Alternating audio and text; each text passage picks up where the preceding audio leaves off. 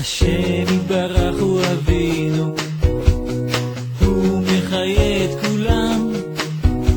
השם יתברך הוא מלכנו, הוא מנהל את העולם. מה אתם רוצים לדעת? למה השיעור הזה? קודם כל שנהיה בני אדם. אנחנו לא בני אדם, אתם יודעים? אנחנו פשוט... אה, אין לנו יראה, אין לנו תכלס בחיים שלנו, הולכים בשיממון ותימהון. והדרך הזאת שאנחנו מדברים עליה, מטרתה להביא אותנו קודם כל להכיר כמה אנחנו משוגעים, כמה אנחנו מקולקלים, כמה אנחנו חסרים. והדבר הבא זה לא להישבר, והדבר אחרי כן להבין שיש מעלינו איזה כוח שמנהיג את העולם, וזה לא סתם הפקר הכל. וזה כל התכלית של השיעור, תודה רבה. ואין דומה לך. השם יתברך מה מביא אותי לשיעורים של הרבנית? הרבנית פישר, זה פישר פרייס, מה זאת אומרת? היא מביאה, זאת היא. אני הכי אוהבת את השיעורים של הרבנית פישר מהסיבה שהיא מדברת אמת, היא נוגעת בנקודה האמיתית הפנימית של כל אישה ואישה והיא מעוררת אותה לעבודה על מידות מאוד מאוד חזקה. בקיצור, בקיצור, בקיצור, כל התורה, אה, אה, כל השיעור מושתת על משפט אחד, אבאלה זה רק אתה.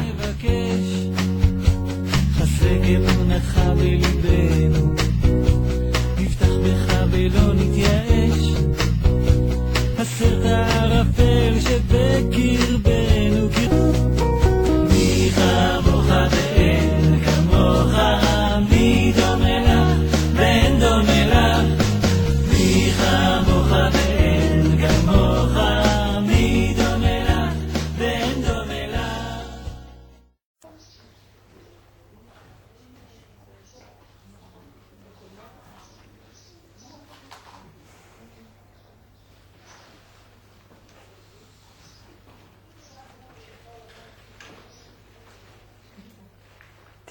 אם באים בקביעות לשיעור, אז אה, אפשר,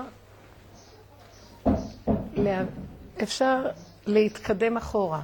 כלומר, אפשר להגיע לתכלית של העבודה. אבל איך שלא יהיה, אני הולכת, אתן תבינו, לא תבינו, זה לא חשוב.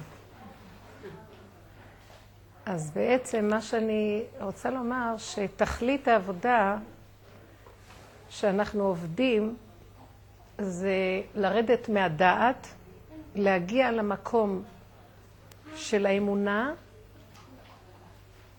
ולחיות ברמה של קשר אמיתי עם השכינה, דבקות.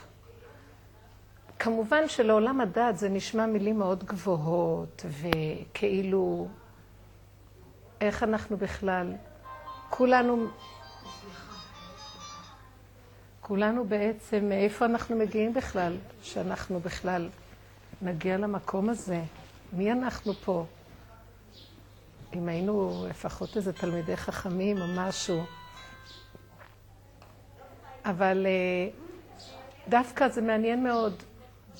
דווקא שהם בעולם הדעת, קשה להם להשיג את זה, אלא אם הם גדולי עולם שהם הצליחו להגיע מעבר לדעת. ומי כן יכול לחיות עם הקשר האמיתי עם השכינה?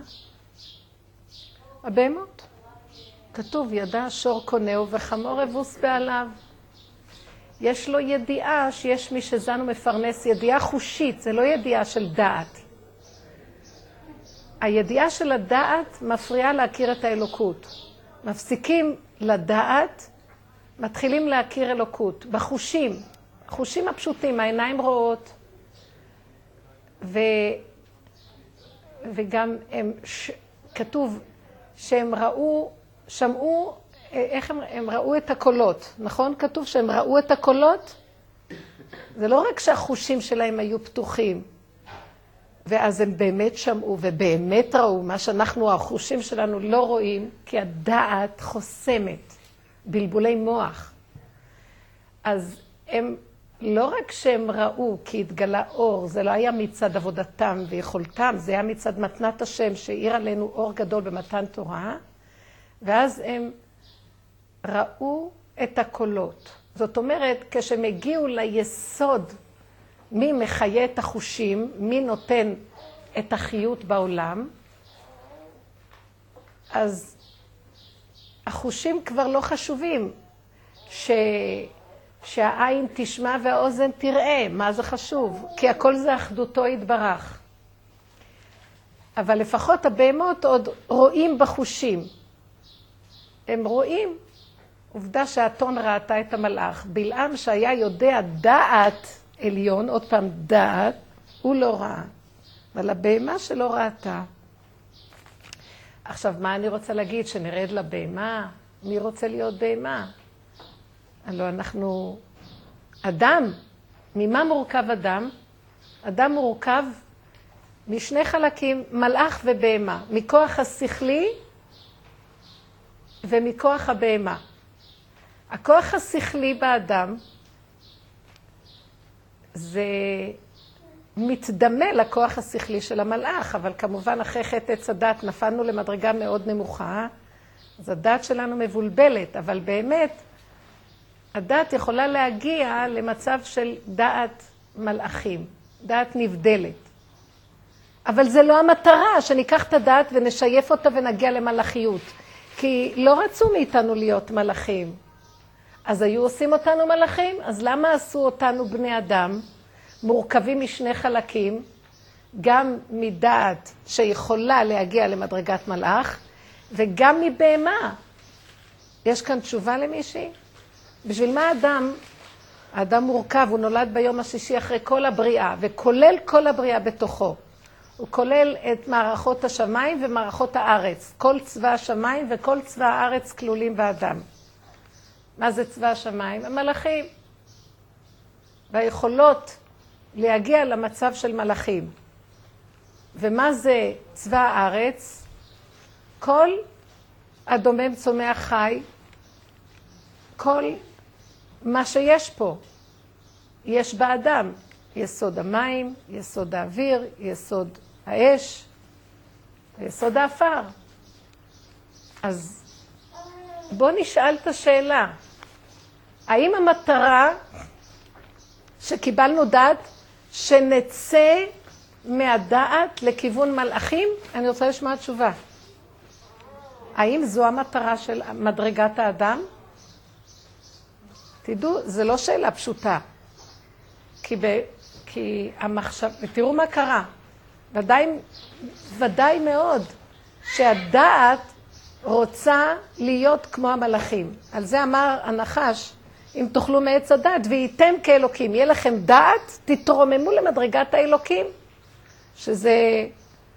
מה זה האלוקים? האלוקים זה הבריאה העליונה קודם כל. אז אדם, הדמיון ישר אומר מלאכים. אז היעלה על הדעת, בשביל מה אם כן שמו לו את הבהמה? בשביל מה נתנו לו איזה חלק מגושם כמו בהמה? כמו שאמרו חז"ל, חלקו פרה ורבה, מכניס, מוציא, כמו בהמה, חלק התחתון שלו, אז בשביל מה?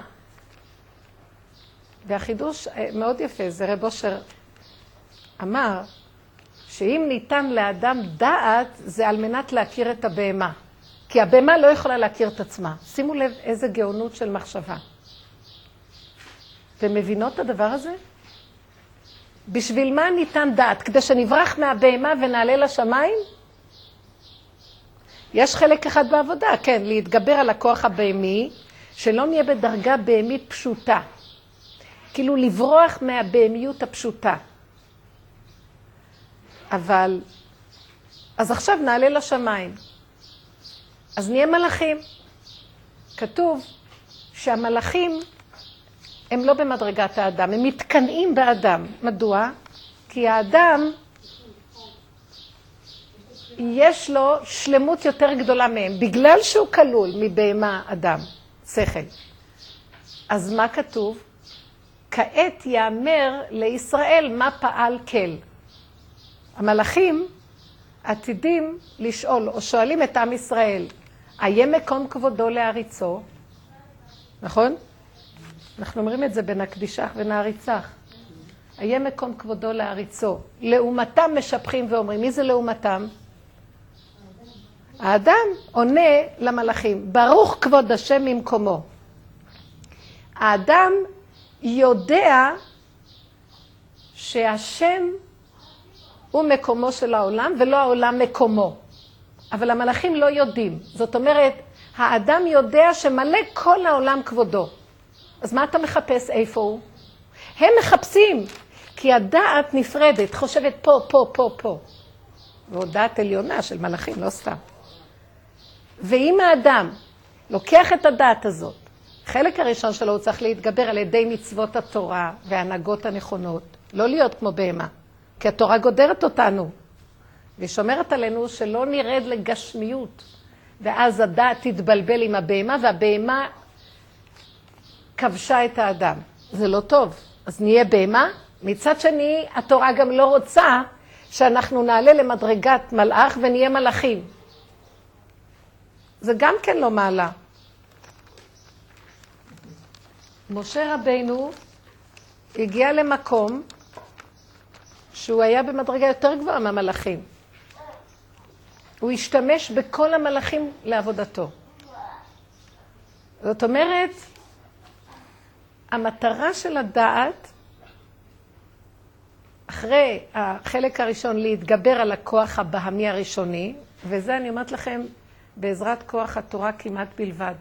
כי אפילו אם יש מה שנקרא אה, כהנים של עבודה זרה, אה, כומרים של עבודה זרה שמתבודדים, הולכים על מסמרים, אה, מטענים, אה, הם אה, לא מגיעים לתכלית. כי מיד הגאווה הדמיונית של המלאך גונבת אותם. אין להם את העבודה מספר שתיים. הם חושבים את עצמם למלאכים. ובשבילם הם הגיעו למהלך. עם ישראל הגיעו למקום שכן, אנחנו באיזשהו מקום, יש לנו צד שאנחנו מתגברים על התוואים ולא מוציאים אותם החוצה, ויש לנו גדר לתוואים. אפילו התורה נותנת לנו מקום להשתמש בתוואים, לא להתנזר מהם. נזיר שהתנזר מן היין, הוא צריך להביא קורבן, כי הוא אסר על נפשו דברים. ולמה אתה אוסר על נפשך? למה אתה מדכא את הבהמה שלך? צריך לתת לה את החלק הנכון. ואז גם היא מצטרפת לכלל. כמו שאנחנו רואים בפסוק ש, שמביאים את המעשר שני לירושלים, ושמת בכסף, צריך לפדות את המעשר, להראות, לעלות לירושלים, כי רק בירושלים אפשר לאכול, לאכול את הכסף של מעשר שני, ושמת בכל אשר תאווה נפשך. תאווה נפשך. זאת אומרת שיש מקום לתאוות הנפש, על פי דין תורה. אבל בגדר הנכון, כמו שאנחנו רואים, שבתשיעי שלפני יום הכיפורים, שזה העשירי, מצווה לאכול. וזה נחשב כאילו צם תשיעי ועשירי. עד כדי כך שזה לא על פי דעת. דעת אומרת, ככל שהוא יצום, הוא יוכל יותר להיות קדוש ביום הכיפורים, שיכין את עצמו, אדרבה בתשיעי. לא, הפוך על הפוך. זאת אומרת, אם ניתנה לנו דעת, זה א', כדי ללכת בחוקות התורה, זה תורת הדעת. אבל החלק, הש... אבל אז אנחנו יכולים להגיע למקום שכפינו, זה עבודת ההתקפיה. כפינו את יצרנו ועכשיו אנחנו שולטים בזה. אז הדעת באופן אוטומטי מתחילה להתהדר ולהתגדל ולחשוב שהיא כבר הגיעה לתכלית והיא כבר במדרגת מלאך. מה יש לקדוש ברוך הוא ממנו? מלאכים יש לו הרבה בשמיים. עכשיו מתחילה מדרגת האדם. עד עכשיו זה היה רק הכנה. שלושת אלפים ארבע מאות שנה אנחנו רק בהכנה לעבודת מדרגת האדם. ומדרגת האדם תהיה ניכרת רק לקראת סוף האלף השישי, כמו שהאדם נולד לקראת הסוף האלף, שהוא היה מושלם בלידתו.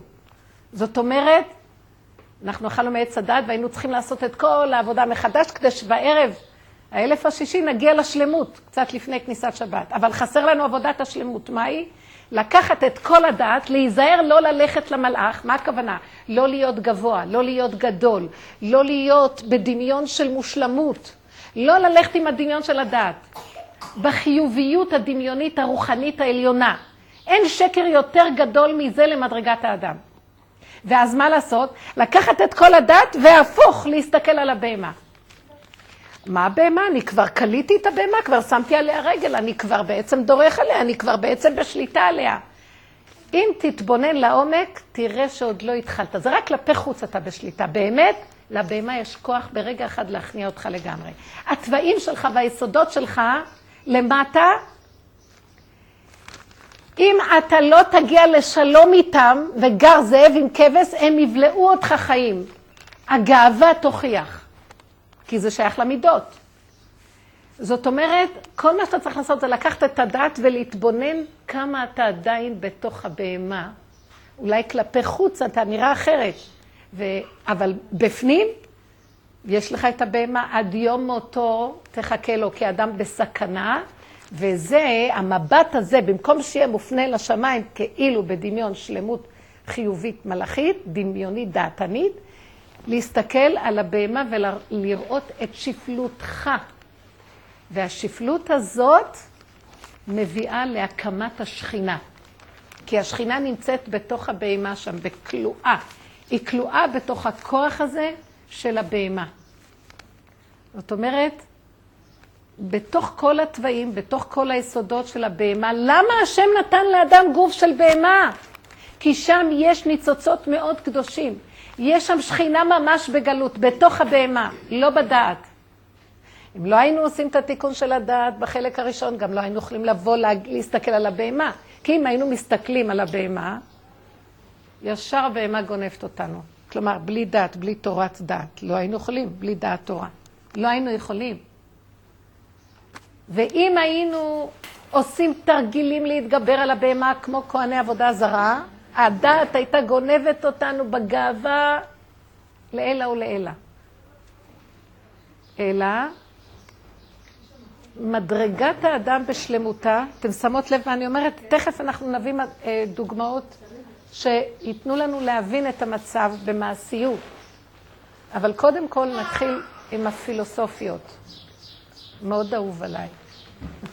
קודם כל נתחיל להסביר את היסוד.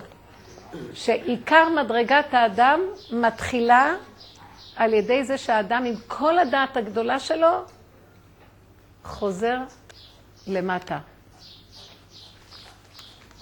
אה, יתוש קדמך.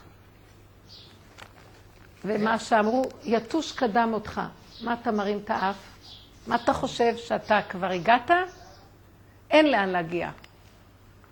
כבשת שדה אחד על מנת עכשיו להיות אפשרות במדרגה יותר עמוקה לרדת לתוך הצבעים. לא להתבלבל מהם, אבל להכיר שאתה לא יותר טוב מהבהמה. וזה מביא שפלות מאוד גדולה ומכניע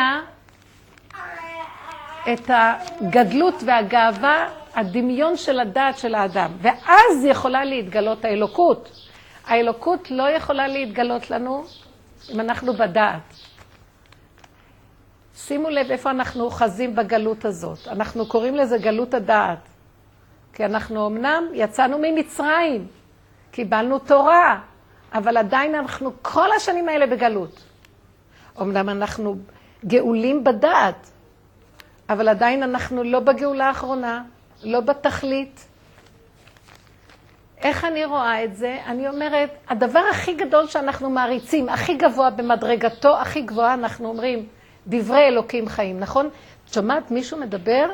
זאת אומרת, דברי אלוקים חיים, או ספר של קדושים שנכתבו בדורות הקודמים.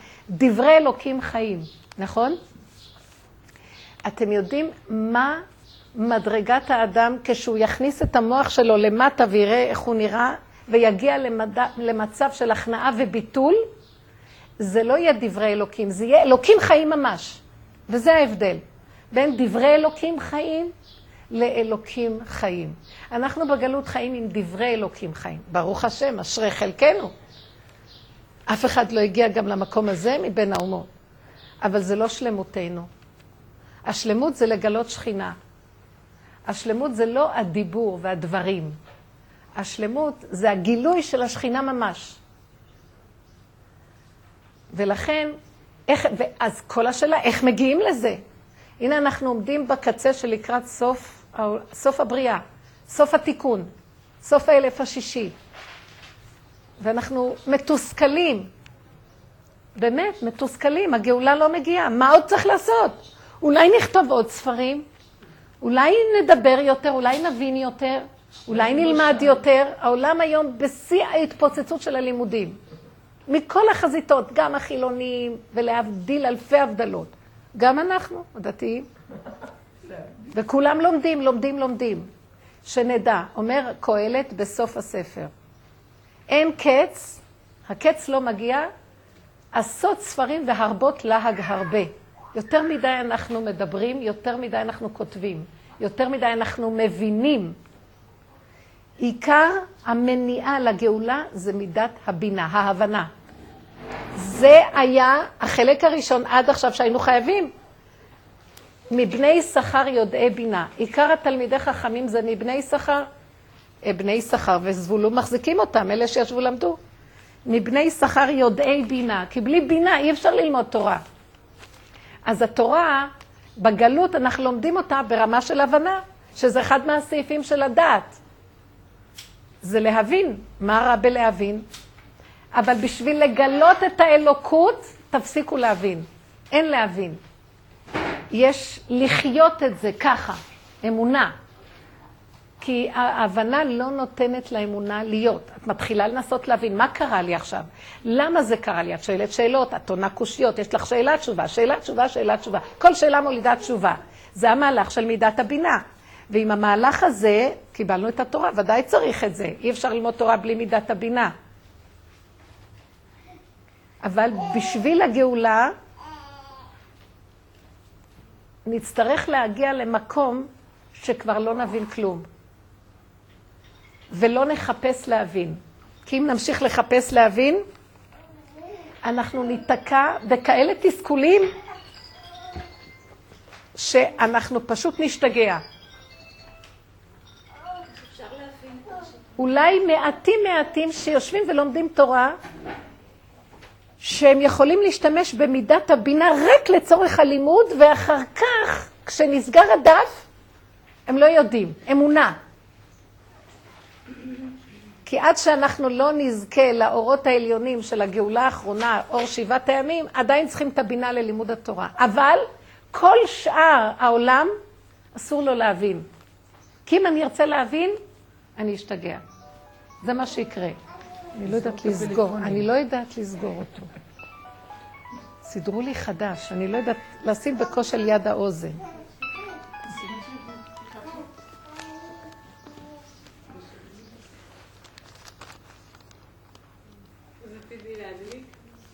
לא, אני הייתי שלושה ימים בלי פלאפון, והיה כל כך מתוק מדבש, שאי אפשר לתאר. ויכולתי לחיות עם הסיבה. זאת אומרת, אין לי טלפון, אין לי תוכניות, אין לי בני אדם, רק אני תקועה, למשל, אני תקועה באחת התחנות, ואין לי להודיע איך אני אגיע, אני גם לא זוכרת את המספר להתקשר, לבקש מישהו, כלום. ואז אני רואה את ההשגחה הרבה יותר, מה שכשאני מסודרת, יש לי פלאפון, אני מתכננת, אני מבינה, וזה מתסכל. אז כל כך שמחתי שראיתי כל הזמן את הסיבות מובילות וההשגחה. חזרתי הביתה, הייתי שלושה ימים בצפון, חזרתי הביתה, והייתי כל כך שמחה שאין לי פלאפון, והחלטתי שאני לא רוצה. חיכה לי פלאפון חדש. כבר, בעלי אומר לי, כבר שלושה ימים הוא מחכה לך. היה לי כזה כאבים שאין לי ברירה, דוחפים לי בכוח, זה סיבה, אני לא יכולה להגיד את הלא. כבר סידרו לי חברה חדשה, הכל. זה, זה, ראיתי שאנחנו כלואים בתוך העולם. עכשיו, נקשר את כל הדיבורים שלנו. אז יכולתי להגיד, לא רוצה פלאפון, אני החלטתי שלא, יש לי עכשיו מטלה, אני עכשיו לא בעולם, זהו. אני במדרגה שאני לא צריכה טלפון, אני רוצה לחיות עם הסיבות. בורא עולם חיכה לי מהצד ואמר לי, בתוך הפלאפון תחי עם סיבות. בתוך הגיהנום שבראתם לעצמכם, תחזירו את המוח ואת הכל לתוך העולם, אין לאן לברוח. ככה תחיו איתי. זה מכריח אותך להגיע לבהמה, הכנעה. הסתכלתי על הפלאפון, והיה לי איזה רגע של עצבות, ואחר כך היה לי, לא, ככה בורא עולם רוצה. תחי עם זה, רק תצעקי כל רגע שאת מנסה להתקשר, תצעקי, אבא, תראה, אני סומכת על זה ולא עליך. אבל זה סיבה לחיות איתו. אל תברחי למדבר עם איזה אה, גבהות של החלטה של מלאכיות, לא. כי שמה נמצאת השכינה, תחיי איתה עד שהיא תקום משם. בואו נחזור עכשיו לחלק שדיברנו. זאת אומרת שכל עיקר העבודה של השלמת מדרגת האדם מתחילה דווקא עכשיו. בואו נראה את הבני אדם שיש להם דעת שלמה והם מוכנים להוריד אותה למקום השפל. תדעו לכם שזו העבודה הכי קשה שבעולם. למה? כי אז האדם מתחיל לראות כמה שהוא כלום והוא בהמה, והדעת עושה לו כאבים, כי המלאך שבו לא יכול לסבול שככה הוא. פתאום באים על האדם ניסיונות שנכנסים למדרגה האחרונה של העבודה, זאת אומרת המדרגה של שפלות אמיתית, המדרגה של לחיות בשלום עם הבהמה, לעלות, שהדעת והבהמה יחיו בשלום, וגר זאב עם כבש. אז המהלך הוא קשה מאוד, זה שואה לדעת. הדעת עוברת מצב של שואה, לא סתם. מה פתאום? מה, איך השור ובעליו יאכלו באבוס אחד? איך אפשר? אתה לא בעליו, יש הבעלים. אל תחשוב שאתה עלית, ישבת על הכיסא. אתה מדומיין שאתה האדם, משנה למלך בארץ מצרים. לא. אתה שפל. אל תתנשאו מדי, כי זה לא יאפשר לקדוש ברוך הוא לבוא לגאול, רק אדרבה תורידו ראש. וכל גדולי עולם אמיתיים שהגיעו למעלה של מיצוי הדעת, הם לא הלכו להיות מלאכים, הם חזרו למדרגת השפלות שנקראת ואנוכי עפר ואפר ונחנו מה ואנוכי תולד ולא איש. זה המדרגה. עכשיו, לא באמת שהוא תולעת, באמת הוא מדרגה מדהימה, אבל הוא לא מחזיק מעצמו שום דבר, כי אנחנו מאוד בסכנה. אז לכן האדם צריך לעשות את המהלך הבא. ובואו נדע שהעולם נכנס כבר למדרגה הזאת להיכנס למהלך הבא. איך אני יודעת? לפי הניסיונות של החיים. הדת כבר מתחילה להשתבש, הטוב והרע לא ברורים. אם הטוב והרע לא ברורים, אז זה עושה תסכולים לבן אדם. הייתי בטוחה שעשיתי את הצעד הכי נכון, והסתבר שזה עשה פעולה הפוכה לגמרי מהשכל. אז מה כאן הולך? אז משהו, וזה לא קורה לך פעם בשבוע. בהתחלה זה פעם בחודש, אחר כך פעם בשבוע, אחר כך כל יום, ואחר כך כל שעה, ואחר כך יותר מדי מהר, כל דבר קורה. ואז את אומרת, אני כזאת לוזרית, אני כזה כישלון שחבל לי לעשות שום מאמץ, כי כל מאמץ שאני מנסה לסדר את הלוזריות הזאת, אז נהיה עוד יותר גרוע. אז הבנתי שבורא עולם רוצה שאני אשב. מישהי אמרה לי שהם מנסים לקנות דירה. קודם כל, ככה זה היה. שהיה להם ארון בתוך הדירה שהם מאוד אוהבים אותו, והם רצו אה, לתקן אותו ולא יכלו. אז אי אפשר היה להשאיר אותו בבית, וצריך היה לפרק אותו, אבל מאוד היה חבל להם לפרק אותו כדי להוציא אותו מהבית. אז הם איכשהו החליטו בכל אופן, הסתובבו סביב הארון הזה לנסות לתקן אותו. אבל ראו שאי אפשר. אז להוציא אותו אי אפשר, להשאיר אותו אי אפשר. אז פתאום האישה אמרה, אולי נקנה את הדירה וגמרנו. אז החליטו שיקנו את הדירה. אז היה להם דירה במקום אחר שעומדת למכירה כבר הרבה זמן. אז הם אמרו, בואו נמכור את ההיא. עכשיו, הבעל הבית דוחה כי הוא רוצה למכור את הדירה איפה שהם גרים. אבל דאקה, לא נמכרת להם הדירה. אז היא אומרת שהם היו איזה חודשיים כמו משוגעים בבית. איך הם ימכרו? כי בא כל יום קונה חדש ורוצים לקחת את הדירה שהארון היקר נמצא. אז על כל מקרה, וכל פעם בא איזה קונה, וברגע האחרון איכשהו, ביום, אחד הימים בבוקר הם כבר, היה להם איזה קונה, והם עמדו לצאת לסגור את המכירה. פתאום מתקשרת המתווכת, אין קונה. הקונה החליט שלא. עכשיו, עוד לפני כן היא שואלת אותי, מה אני אעשה? אמרתי לה, אל תשכחי. אז היא אמרה לי שיש להם גם קשיים כלכליים. גם אם ימכרו את הדירה, לא יספיק להם הכסף כדי לקנות את זה. הם צריכים לפחות עוד איזה 250 אלף שקל על מה שימכרו, ועדיין יש להם משכנתה לדירה ההיא. אז אמרתי לה, תשמעי, את פה. אל תשכחי שהסיפור התחיל מהארון. וזהו. אתם לא נכנסים למשכנתאות גדולות ולא כלום. אתם לא יכולים. אז אה, הם התחילו, ל... אז פתאום האבא שהתחילו לנסות אצל ההורים להשיג כסף. אז התחמקו, לא התחמקו. ברגע האחרון אמרו, טוב, נעזוב את הכל. אז היה איזה קונה, המתווכת אומרת להם, תבואו אחרי, בבוקר שהם רוצים ללכת, המתווכת אומרת, אל תבואו. האישה, המוכר לא רוצה. האישה תפסה את הראש, היא באה לשיעורים, והיא אמרה, זהו זה, אני יותר מדי מחזיקה, הלוא מה שאני לא עושה אני נכשלת, לא הולך לי כלום. אז הסתכלה על בעלה והיא אומרת לו, היום אתה לא הולך לעבודה, היום אנחנו הולכים רק לבתי קפה ומסעדות. כמובן, היא אומרת, אנחנו רק שותים קפה היום ואוכלים עוגות והכול. אני לא יכולה יותר, אנחנו כבר משוגעים הרי עינינו. לא יכולה, אני לא יכולה לעזוב את זה, צריכים להרפות, לא מסוגלת, לא יכולים, תקועים. הקדוש ברוך הוא תוקע אותנו מכל הכיוונים. תוקע, תוקע, תוקע. אז היא אומרת, בעלה מסכן הסתכל עליו ואומר, בסדר, הם הלכו למקום הכי מפואר, לשתות קפה עם ופל אמריקאי, לא יודעת, בלגי, וקצפת, ומזמינים עוד אחד. ובאמצע השני, שכבר הכל כזה מלא, הם מקבלים טלפון. יש קונה חדש, עכשיו תבואו. אז היא אומרת לו, אנחנו לא באים עד שגומרים את הכל. חכה רגע.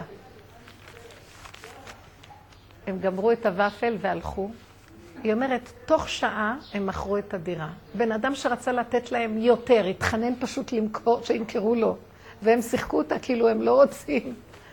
שילם להם יותר. היא אומרת, בשעה, כשהיא החליטה, נגמר, היום רק חוגגים, הולכים לשתות, אין לי מוח, אין לי דת, אין לי רצון, אין לי כלום. ריבונו שם, אתה לא רוצה, לא צריך, אז אין, נבוא לדירה שכורה אחרת, נגמור את העסק, גמרנו, נפרק את הארון, אין ברירה. כלום. על השעה היא מכרו, מכרו ביותר. היא אומרת, הסתכלה וראתה פשוט השגחה, שכינה. אחרי שעה הם מקבלים טלפון מהאבא שלו שנותן להם מאה אלף, ומהאבא שלה שנותן עוד מאה אלף. ואחרי כמה ימים הלכו לחתום על הדירה איפה שהם נמצאים. היא אומרת, חודשיים אנחנו מתעקמים מהכוחנות, ומה שאני לא עושה, הכל נופל.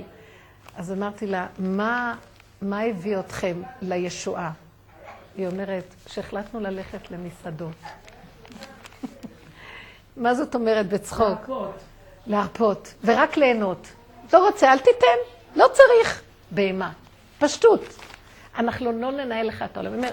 אני מסתכלת ואני רואה, יש שלב, זה, זה מדגמן לי, זה נותן דוגמה, מה יהיה העולם, איך ייראה העולם. מה שלא נעשה על פי שכל לא ילך כלום.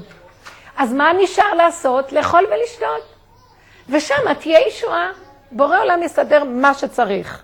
למה לא? למה שלא ייתן לכם דירה או מיליון, ביליון, כל העולמות שלו. שייתן לכם דירה, למה לא? אבל לא אתם תנהלו את עולמו, ולא בכוחנות, ולא במוח שמסתעף בלי סוף. והישועה הייתה כל כך פשוטה, היא אומרת עד היום, היא רק צעקה להשם, היא לא יכולה להכיל כמה שזה פשוט. היא צועקת להשם, אני לא יכולה להכיל כמה פשוט הדבר הזה להיכנע וכמה אנחנו לא נכנעים. ושם נמצאת הישועה.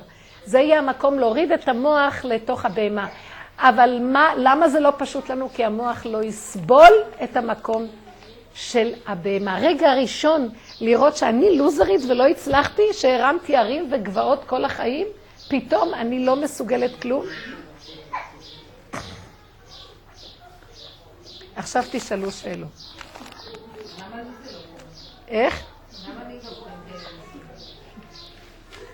מה התשובה? חיה, תעני לה. כי את לא, כי את לא הולכת למסעדות. כי את לא הולכת למסעדות. לא, את הולכת למסעדות ברמה אחרת. התכוונתי לומר שלא נשאר כלום לעשות, רק לאכול. לא חייב ללכת למסעדות, אל תחשבו. כלומר, לא נשאר כלום לבן אדם, כמו בהמה. מה בהמה עושה? אוכלת, רובצת, ועושה קצת עבודות, מה שהיא צריכה. לפי הסיבות. הדעת לא יכולה לשאת את המצב הזה, היא צריכה לתכנן, היא צריכה להיות מאוד מודאגת, והיא צריכה לפתור בעיות, והיא צריכה להשיג ולהגיע, והיא צריכה לחשוב, והיא צריכה לתכנן, והיא צריכה לשאוף, והיא צריכה לרצות. הרצון זה החלק העליון ביותר. הרצון הוא ידוע, זה הכתר, זה העליון ביותר. מתחיל הרצון, זה מבורא עולם. כל רצון שיש לנו, תקשיבו, זה בורא עולם. זה התחיל מהארון, וזה הסתעף על דירות, עסקי דירות במיליון ושבע מאות, שני מיליון. אז כולו ארון קטן, אל תשכחי. הרצון שבא לבן אדם, אני רוצה שנקשיב טוב טוב, ישר מתרחב בתוך המוח שלי, ישר מתרחב עם ההתרגשות שלי, וישר אני רצה. לקראת הסוף, השם יצחק עלינו, הוא פשוט ישלח את השטן ל... להתעלל בנו, פשוט להתלוצץ עלינו. רגע, רגע, רגע, לא גמרתי. מה אני רואה? שאת חושבת שהרצון שלך, אוי, איזה, מחש... איזה רצון בא לי. ועכשיו את, מתרג... את מתחילה להתרחב במוח ולנתח את הרצון, ואחר כך כמובן לרוץ קדימה להשיג אותו, וכמובן וכמובן, מתרגשת וכן הלאה. אני היום רואה, מתחיל להיות לי הרצון הכי קטן, אני מתה מפחד. ישר אני מעלה אותו להשם. אומרת לו, רק אתה תתגלה וזהו. אני במילא, אני לוזרית. אתה במילא לא תיתן לי שזה יצא, חבל לי על, חבל על הכוחות, שבי תאכלי. לא, לא, לא, לא, אל תפתה אותי. אני נאבקת, הבן שלי ביקש שאני אעזור לי עם הנושא של ישיבה. לא, זאת אומרת, אם יש לי קצת איזה קשר פה ושם. אני נעצרת, ואני נאבקת להחזיר את הרצון שמתגלה לי, אני מאוד אוהבת אותו כביכול. אני ראיתי שאני, מה אני אוהבת אותו? קודם כל, אני רוצה שירד מעליי, אין לי סבלנות שיהיה לו בעיות. כי אם הוא לא יקבל מה שהוא רוצה, הוא יהיה נכה כזה ונכה רוח. ואני, אין לי סבלנות. אז קודם כל זה. דבר שני, כמובן אחר כך, אם הוא יהיה שם, אז כולם יגידו, ואז השידוכים ילכו, אל תחשבו. אז ישר אני רואה את האינטרסים, אני אומרת לו, ריבונו של עולם, באמת, באמת אין לי שום רצון לכלום. תשאיר את זה אצלך, אתה יודע מה, תקשר אותו אליך ותרחם עליו. אולי לך ולא יש עוד, אצלך עוד יכול ללכת. הבנים שלומדים תורה עוד יכולים ללכת על דרך הטבע קצת. אני כבר לא. אנחנו האנשים והעם, בתוך עמי אנוכי יושבת, לא הולך. אז אני מתה מפחד שמא יתרחב לי הרצון כל הזמן. אז אני רואה איך אני מנסה לעשות את הפעולות בלי רצון, ואם בא לי איזו התלהבות יתר, אני עוצרת. התרגשות, אני עוצרת. כי אני מפחדת. אני כתבתי ככה, הרצון מוליד התנסות. הרצון יוליד אותי אחר כך לניסיון. אין לי כוח לניסיונות, שיישאר. מיד להעביר לשורשו. אבא אליך, לפני שיהיה ניסיון. אני בורחת מהניסיון. לא עומדת, כי אני יודעת שיהיה לי ניסיון. כי אם לא, אם אני לא מעבירה את הרצון שאני מזהה מיד, אתה מביא לי כדי uh, לנסות אותי. אם אני מתרחבת איזה מלאך שיכול לנהל את עולמו, או אני אומרת, לא, לא, לא, לא, אני הבהמה שלך. בהמות הייתי עמך ואתה תנהל אותי. אז אם אני לא מעבירה את זה מיד, אז זה יהפך למחשבה. המחשבה בוראת, המחשבה עושה מציאות. עולם הבריאה זה המחשבה. היא מאפשרת כאילו לממש, ואחר כך ההבעה של המחשבה זה מילה, זה יצירה. עולם היצירה, היא מציירת, היא רואה כבר את התוכנית, נהיה עניין. ואחר כך זה מתגשם. המחש... המילה, תדעו לכם, ברית כרותה ללשון, המילה יוצרת מצב מציאותי ממש. גמרנו, כבר נהיה עכשיו מציאות. את כבר נאחזת בפלונטר שאת גורמת לעצמך, כי לא חיית את הסכנה שהרצון הזה יחזור לבוראו, ומהמקום הזה את עכשיו בתוך ניסיון מעשי ממש, שהכל געש, גועש ורועש. מבול. לכי תצאי מזה. אני לא עומדת בזה. רוב הזמן אנחנו מסתובבים סביב הפלונטר הזה. רצונות, מחשבות, מילים, ניסיונות, ואנחנו לכודים. ואז באים המאבקים, לרדוף, ואז בא הביזיון והכישלון והייאוש. לא הולכת על זה. תן לי כוס קפה קטן, לדבר איתך בקטן במתיקות. תודה, תודה, תודה. צמצום. תחזרי לעובריות ותני לו למלוך. והוא מתגלה יפה מאוד. הוא יסדר לך דירה של שני מיליון שקל. בשנייה! מאיפה נהיה להם כל ההפרש של עוד 200 אלף? הם, שח... הם קיבלו מהדירה עוד סכום נכבד, והיה להם לשלם על, הכ... על המקום את הכל. כי הם החליטו ללכת לחגוג, לשתות ולאכול ולא לחשוב בכלל יותר.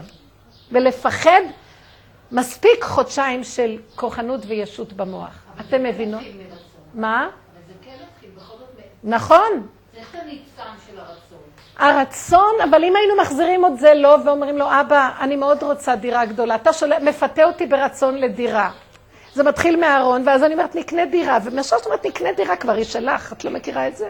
כמה פעמים, אנחנו היינו באיזה שש דירות שכורות, וכל פעם שהיינו הולכים לראות דירות, כל דירה שנכנסתי כבר בכיס הקטן שלי, כבר הרגשתי עליה בעלות. אתם מכירים את זה? את כבר באה בטענות למה זה ככה ולא ככה, כאילו זה שלך. וישר מתרחבים. וראיתי, כשאת לא רוצה כלום, את אומרת לרבנו שלם, אני רוצה, אבל הראית לי, אם אני לא מוסרת לך את הרצון, אני נכשלת כי אתה מביא אותי לכאבים, לניסיונות, להתרחבות, ביזיונות, אני לכודה ולא מקבלת. מה, אני פריירית? תודה רבה, תעשה אתה מה שאתה רוצה, מה אכפת לי לגור פה עד, עד סוף ימות עולם? מה אכפת לי? לא, הדעת מתרחבת, לא. אני רוצה, אבל אם אתה לא משתתף עם, עמנו ברצון הזה, אל תעלינו מזה. זה מה שאמר משה רבנו, אתה מוליך אותי למדבר? אתה מוליך אותי למדבר, אתה לא אומר לי מה אתה נותן איתי, וישר אני המנהיג הגדול, מוליך את עם ישראל, ואני אנהיג אותו כי אני רוחני, ואני הורדתי להם תורה, ואני זה... אם אין פניך עולות עמנו, אל תעלינו מזה, סליחה. אל תפתה אותי לחשוב שאני מוישה הגדול, גרויסר מוישה. לא, גרויס מוישה, אני לא. אני לא יכול. הוא אומר לו בפרשה הזאת, אתה שלחת אותי עם העם הזה, אנוכי הריתי אותו? אני לא עומד בזה. אני לא עומד בזה. זה דבר שצריכים להבין אותו, בנות יקרות, ככל שהאדם גדול, אז מאיפה אני כן רצה קדימה? כן, אני יכול, כי עוד הולך לנו כאילו. ואז הגדלות גונבת שזה אני, ואז המלכודת שם. הדור האחרון ילכדו את כולנו בפח, לאף אחד לא ילך כלום, אחד אחרי השני יתגלה, יעלו על כולם, ישימו את כולם בבית סוהר. אתם לא מבינים מה קורה פה? לא, זה עכשיו, זה לא נגמר דבר, בדבר לא נגמר, כי אנחנו חושבים שאנחנו יכולים לשבת במשרות האלה, ויכולים לנהל ויכולים כלום, השם יצחק עלינו. אתם יכולים? אף אחד לא יוכל כלום. ואנשים באים במין תמימות. אתה טיפש, לא נקרא תמים, זה כסיל, זה לא תמימות. תזהרו טוב טוב, ראש קטן, אם אפשר לא להרים אותו, לתת כל הזמן הפה פתוח לבורא עולם, והוא ינהל אותך בשקט וישמור עלייך וייתן לך כל מה שאת רוצה. אבל זה הוא, עתידי שזה הוא. ותמליכי אותו ואת תישארי בצל. מי את בכלל? את לא קיימת, וזה הכי כיף. מה זאת אומרת את לא קיימת? הדאגות לא קיימות, הכאבים לא קיימים, הרחבות של הדמיונות לא קיימים. איי, אין לך את הריגושים והסיפוקים של גדלות הדמיון החיובי, אבל יש לך חיים טובים של רגיעות, שפיות, שלוות הנפש, ערבות ומתיקות בכל דבר שאת עושה. מה רע? אני מוותרת היום על כל הקצפות והתרבות התרבות המערבית שהגיעה למצב של פיצוץ שעוד מעט הולכת להתפוצץ עם עצמה. זה ברור שכל הטרור שבא לעולם זה אנחנו הולדנו לעצמנו. אנחנו בהתפוצצות עם עצמנו, רק מראים לנו דוגמה, מה עשינו לעצמנו בפנים שאנחנו לא רואים.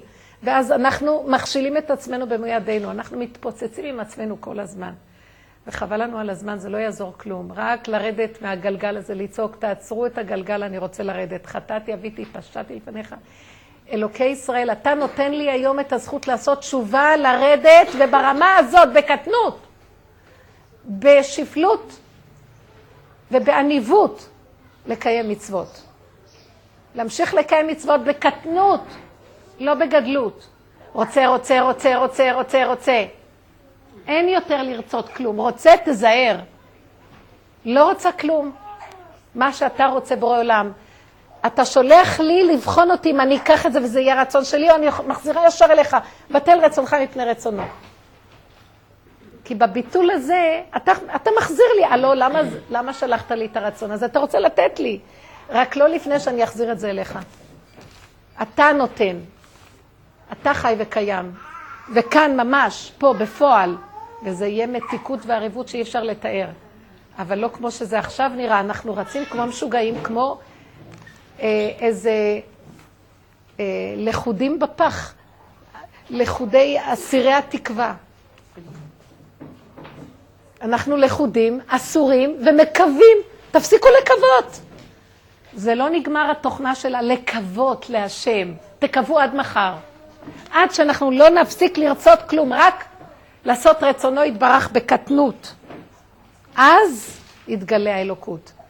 עד מחר, ונעשה 80 יום בכותל, ו-40 פעם ככה, וכל הסגולות. זה גניבת דעת. סליחה, אפשר את התינוק להוציא באפשר. זה גניבת דעת איומה. אם אתן רוצות לבוא לשעה הזאת בלי תינוקות, שמש... חוץ מתינוק שיונק ושותק.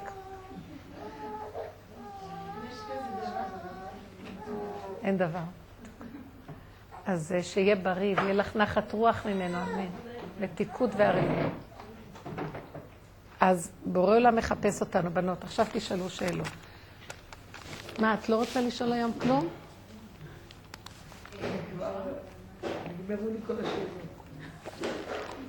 טוב. הבוקר הבן שלי אומר לי, תראי אני הולכת להגיד לך משהו ש... קחי קחי את זה כמה הכי טוב שאת יכולה, לא להיכנס בהיסטריה. אה, החלטתי שאני הולכת לישיבה.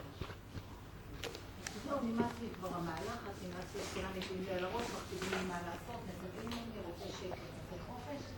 אני רוצה לעשות את הזמן להיות בבית. עכשיו, עד שנפתח תגידי צהריים, רגע, הוא הוא כבר צריך להתחתן, לא? בן אחד שלי שכבר רוצה קצת, כנראה הוא מנתר איזשהו סיפור. ואמרתי לו, עכשיו ברוך השם הבית יחזור למסלול ויהיה קצת שקט ולא יהיה להעיר אותם בבוקר ולגרב אותם ממשפחת ולדאוג לזה.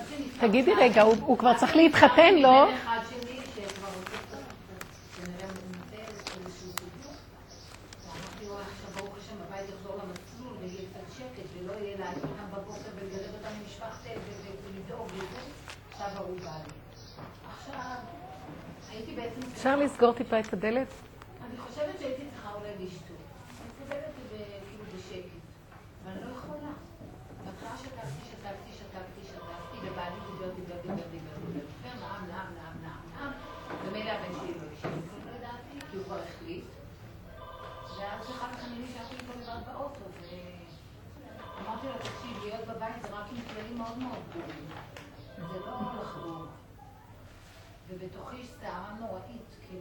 אני מבינה אותך.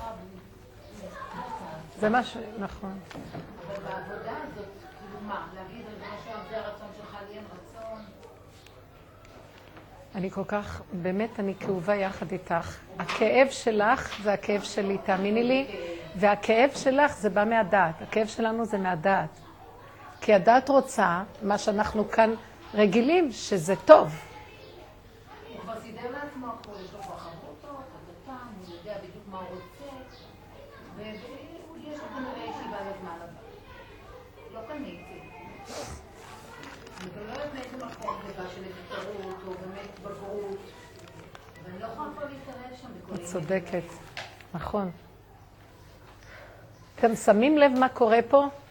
מה בסך הכל אנחנו רוצים? שהילד יהיה בישיבה וילמד תורה לכבוד השם. מה רצינו? למה השם לא מפרגן את זה לנו? לא שאלתם? כי זה לאט לאט הפך להיות שלנו, לא שלו. אתם שמים לב מה קורה פה? כולנו. כי אם זה שלו, אין לי כאב על כלום. זה שלו, הוא מנהל את עולמו, ואם זה שלו, גם יסדר את זה טוב. אבל כל כך אנחנו גונבים שזה הכל שלנו, ואנחנו על המשמר שזה שלנו, חזק חזק. כל תרבות החיים שלנו. שאם טיפה יזיזו אותנו מהמהלך של מה שאנחנו מסדרים בדעת, שגנבנו, שזה שלנו, כאבים איומים.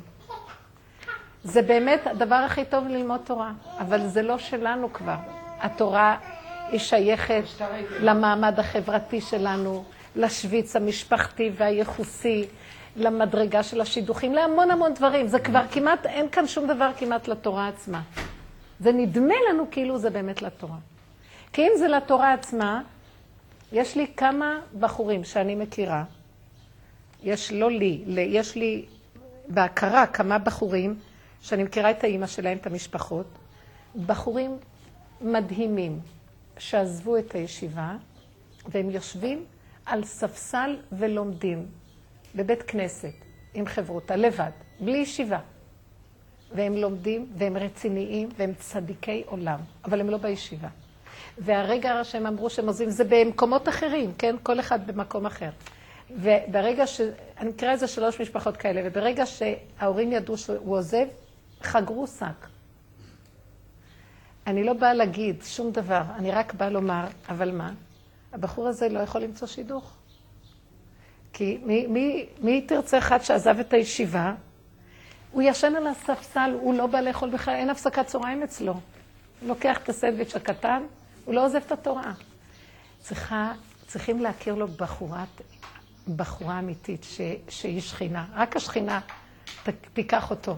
מי ייקח אותו? לא בחוגים האלה אולי, אבל הוא תקוע באיזה, באיזה מעגל, שזה נראה נורא ואיום שהוא עזב את הישיבה. כן, כי באמת זה נכון, זה נראה כאילו פחד, זה נראה פחד, בגלל שזה באמת נכון. איך? במקום אחר אולי היו בוחנים אותו אחרת. נכון, אבל הוא, הוא גדל במקום כזה, אז הוא רוצה מישהי שתאהב את התורה, שתתמסר לתורה. אבל כמו שהיו אבותינו ואימותינו והדורות הקודמים, לא כמו שעכשיו זה נראה. כן? טוב, אני לא באה להגיד כלום, אני רק באה לומר, הנה, הנה מושלמות של לימוד. ואז האימא אומרת לי, אני, אני לא יכולה להגיד לך איזה, איזה מדרגה הבן אדם הזה בכלל. אבל איך פחדתי אז, ואז ישבנו ודיברנו ואמרנו, איזה עולם זה, איך שזה נראה הכל בחוץ. כלפי חוץ הם מחוקים כבר, כי יש להם ילד שעזב את הישיבה והוא יושב לבד, לכו תדעו מה. אבל היא באמת יודעת מי הוא, זאת אומרת, היא קיבלה כזאת, בלב יש לה שמחה. מצד אחד עצבות, שמה, זה קשה עכשיו לחתן אותו, כבר יושב שלוש שנים, וקשה למצוא שידוך. אמרתי לה, אל תדאגי, רחל תגיע עד אליו. כמו יעקב אבינו, כמו עקיבא, רבי עקיבא. מה הנקודה? אבל אני לא אומרת עכשיו, בדוגמה שלך, אני לא יודעת כלום. אני רק יודעת דבר אחד, כולנו עוברים את הלהיחתך בכל דבר. אבל אם נתבונן בעומק, צריך ללמוד להרפות, להרפות, ורק להיות בצעקה מתמדת לבורא עולם. כי אם אנחנו לא נתנדב להרפות כשהם עוד יושבים וכשהכול עוד נראה בחוץ בסדר, זה חס ושלום אה, יהיה בבשר החי.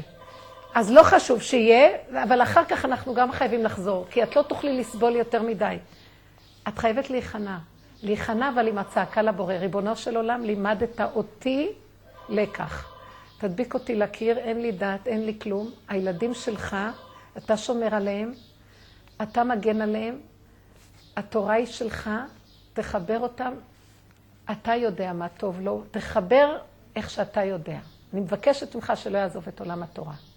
תתחנני, תבקשי, שלא יעזוב את עולם התורה, אבל תשמור עליו. אה, הכל יכול להיראות מוזר. השם, האור שמגיע עכשיו לעולם זה אור של אמת, אלוקות באמת מתגלה, לא, לא דבר אלוקים, אלוקים באמת מתחיל להתגלות, הקדוש ברוך הוא מתחיל להתגלות, אז זה מוזר, זה לא יהיה בצורה איך שהדת שלנו חושבת. זה יכול להיות אדם שבכלל לא נראה בכלל, וכל כולו מתחילה ועד הסוף מדרגה שאי אפשר לתאר. זה יכול להיות אחד שהוא נראה בדיוק כמו השטן שהדעת חושבת, ובפנים אין לו כלום. אני לא באה להגיד, אבל זה ייראה אחרת, ויש שעשועים לבורא עולם מהדבר הזה. אתם מבינים מה אני אומרת? יש שעשועים לבורא עולם מזה שהם הלכו לשתות את הקפה בלי שום מחשבה, כלום. הם הגיעו לרקנות. כלום, רק קצפת וקפה, וליהנות מהרגע כמו בהמה. ושם יש אלוקות גדולה מאוד. תעזבו לי את העולם, אני רוצה לנהל אותו. תעשי חשבון עם עצמך, כמה את אחוזה, וכולנו בדיוק, אני לא באה להגיד לך, תעשי חשבון, בכל דבר מהסיפורים האלה, אני חיה עם ה... אני חיה שזה הסיפור שלי. כל דבר שאני שומעת ורואה, אני לוקחת את זה כאילו זה שלי, ואני עוד יותר בריבוע של הריבוע צריכה לחיות את הסכנה. כי אני לא רוצה שיקרו לי דברים. שיישארו, ואני במקום של כאילו הכל מפורק. כל הזמן תחי כאילו הכל מפורק, אין לך כלום. זה לא קשור אליי. לא קשור אליי שהוא יושב בישיבה ולא קשור אליי שהוא לא יושב בישיבה. אם היינו חיים קודם שלא קשור אליי כלום, אז זה לא היה זז. אבל כרגע השם מזיז אותנו, ככה הוא עושה לנו. כן, אל תדאגי. את מבינה? רק לגמור דבר. אני מת...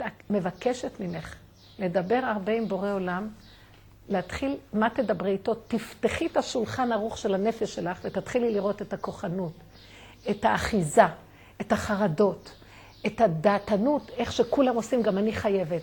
כי אין לנו דעת אחרת, אז מה נעשה? תדברי את הכל לבורא עולם. את כל הכאבים שלך תעלי, אם את יכולה תכתבי, אם את יכולה לדבר תדברי. ותגידי אותם לבורא עולם. את הפחדים שלך. תגידי, אני לא אוכל להחזיק מעמד, אני לא אסבול הפקרות. תרחם עליי איך שזה נראה, אני לא מחזיקה מעמד לשום דבר. ריבונו שלם, תתגלה במקום, אני מוסרת לך את המקום שלי כאימא דעתנית, שליט, ש, בשלטנות, ב, ב, ב, שאני המובילה, אני מוסרת לך את המקום הזה. הנה הגוף, אתה תנהג אותו. הנה הדת ותנהג אותו. אני צועקת לבורא עולם כל הזמן. ריבונו שלם, תנהיג את הדעת שלי. אני מסוכנת. תדעו לכם מהבוקר שאני קמה. תנהיג לי את הדעת. תנהיג לי את הדעת. תנהיג לי את הדעת. הבוקר קמתי, ועשיתי לי איזה כוס קפה, יצאתי לגינה, אמרתי ברכות השחר, השם ריחם עליי, כן? לא ממני, אבל שכחתי שהוא ריחם עליי ושזה לא ממני, ואני מרימה את העיניים ואני רואה שאיזה צמח ששתלנו, הוא מטפס והוא פורח אצל השכנה, איפה, שאת, איפה שמעליי, בברזלים שלה עם הפרחים היפים, ואני זאת שמשקה, ואני זאת שמסדרת, וזה שם מסדר לה את כל הגדר שלה. וזה לא פעם ראשונה שאני רואה את זה, זה כמה פעמים, ואני נעצרת ואומרת, מה יש? תפרגני לה? מה יש? שיהיה לה פרחים יפים. וכל פעם יש לי כאבים קצת, ואני הולכת. ויכולתי להטות את הצמח, ולא היה לי זמן, אבל לא הטתי, וזה עלה אצלהם, וזה צומח אצלהם מאוד יפה. הבוקר ראיתי את זה, ולא פעם, לא רגע, לא חשבתי בכלל כלום. לא צעקתי, אבא, תרחם, תרחם עליי. ראיתי את עצמי לוקחת סולם, מושכת את העלים. קודם כל ראיתי שאף אחד לא יראה. סליחה שזה אולי, אני מקווה שהם בכלל לא שומעים את השיעור באינטרנט, ודאי אין להם אינטרנט. ומשכתי את החוטים, והתחלתי למשוך, ולהזיז אותם אליי. כמובן בדרך נקראו חוטים, הפרחים נפלו, לא לי ולא לה, גזורו! וראיתי איך שאני לא יכולה לסבול, ואז לרגע נעצרתי ואמרתי, איך את, איך את נראית? ואז אמרתי לו, ריבונו שלם, זה איך שאני נראית, אני לא יכולה, אני לא יכולה. בראת היצור שלא יכול, לא יכול, אני משקה, מים יקרים, ושם זה יראה, אצל, זה צריך להיות אצלי. אז uh, תדע לך, ואיזה אכזריות שהיה נראה לי שתלשתי את זה. ואז אמרתי, אני לא מסוגלת. זהו, בראת יצור כזה, תפרנס את הגנב הזה. ואז התחלתי להגיד, את לא גנבת, זה שלך, אבל... אז מה כן לא היה בסדר? שאת לא הטעת את זה מההתחלה, מה עם השנים? אז בסדר, סוף סוף החלטתי להטות את זה. התחלתי להתווכח עם עצמי, אבל בסופו של דבר עמדתי והרגשתי שאני לא, לא בסדר מה שעשיתי, ובאתי פתאום למוח שלי מהצד השני ואמרתי לו, אני לא בסדר? אני כן בסדר? יש לך בעיה, אין בסדר, לא בסדר, זה מה שאני. זהו, זה האדם. ריבונו של עולם צעקתי, תעזור לי מהמוח הזה, השופטני הזה, וככה בראת אותי. אני לא מפרגנת לאף אחד שום דבר, הכל רק לי. בראת אותי לרצות לעצמי, ככה בראת אותי. אם אתה לא תרחם עליי, זה מה שיקרה. גמרנו, אני לא יכולה, תרחם עליי. והלכתי, כאילו לא, לא נשאר לי שריטה של הדבר. כלום. רוקנתי את הכל אליו, אמרתי לו, כך בראת את האדם. מה אתה בא אליו בטענות? אז שמעתי, כאילו, המחשבה אומרת לי, במחשבה, ושמעתי, זה קול אמיתי של המחשבה. לי אין שום טענות, זה הדעת שלכם באה אליכם בטענות. את רוצה להיות צדיקה, אז מה עשית? ועכשיו תעשי תשובה. אל תשפטי את עצמך. זה מה שאת, רק תגידי לי, אבא, זה מה שאני. תרחם עליי, שזה לא יתגלה החוצה לשני. למה לא עשיתי את זה קודם ופרחו להם כבר הפרחים? זה אשמתי. בסדר, התעצלתי, עכשיו זה מה שאני. אז הוא שם לי במחשבה להגיד להם איזה תירוץ. אם, אם הם יגידו מה קרה לפרחים, יגיד להם איזה תירוץ באמת מוצלח שזה מכסה על החלון ואין אוויר. הוא אמר לי, אפילו את יכולה להגיד להם משום שלום. כי זה, זה הצמח שלי וזה הכל שייך אליי, אז זה לא בעיה. אבל באיזשהו מקום הוא סידר לי את הכל והשאיר אותי.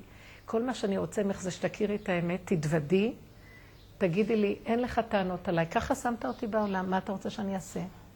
בחלק הראשון של הדעת, אני רואה כזה תכונה, אני אומרת, כזאת אני, אני רוצה מיד לתקן.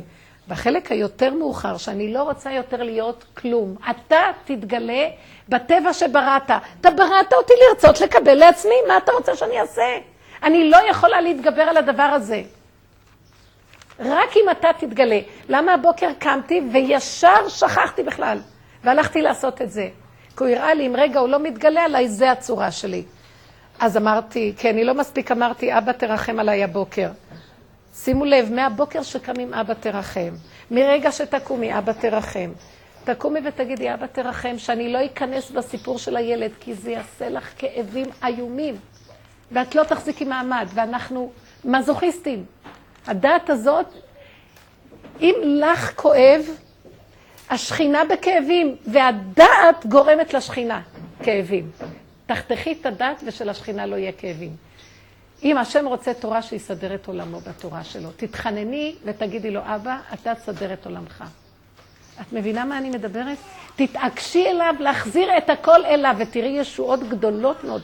אם באמת שאנחנו רוצים לילד משהו טוב, תלכי בדרך הזאת.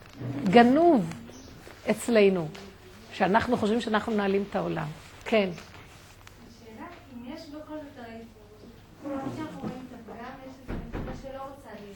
את. איך, איך? תמיד כשרואים את הפגם, יש איזו נקודה שלא רוצה, רוצה להיות צדיקה. נכון. לא. אני אגיד לכם איפה- אבל בדרך יותר, באיזה אמת יותר גבוהה, שאולי אנחנו לא במקום הזה,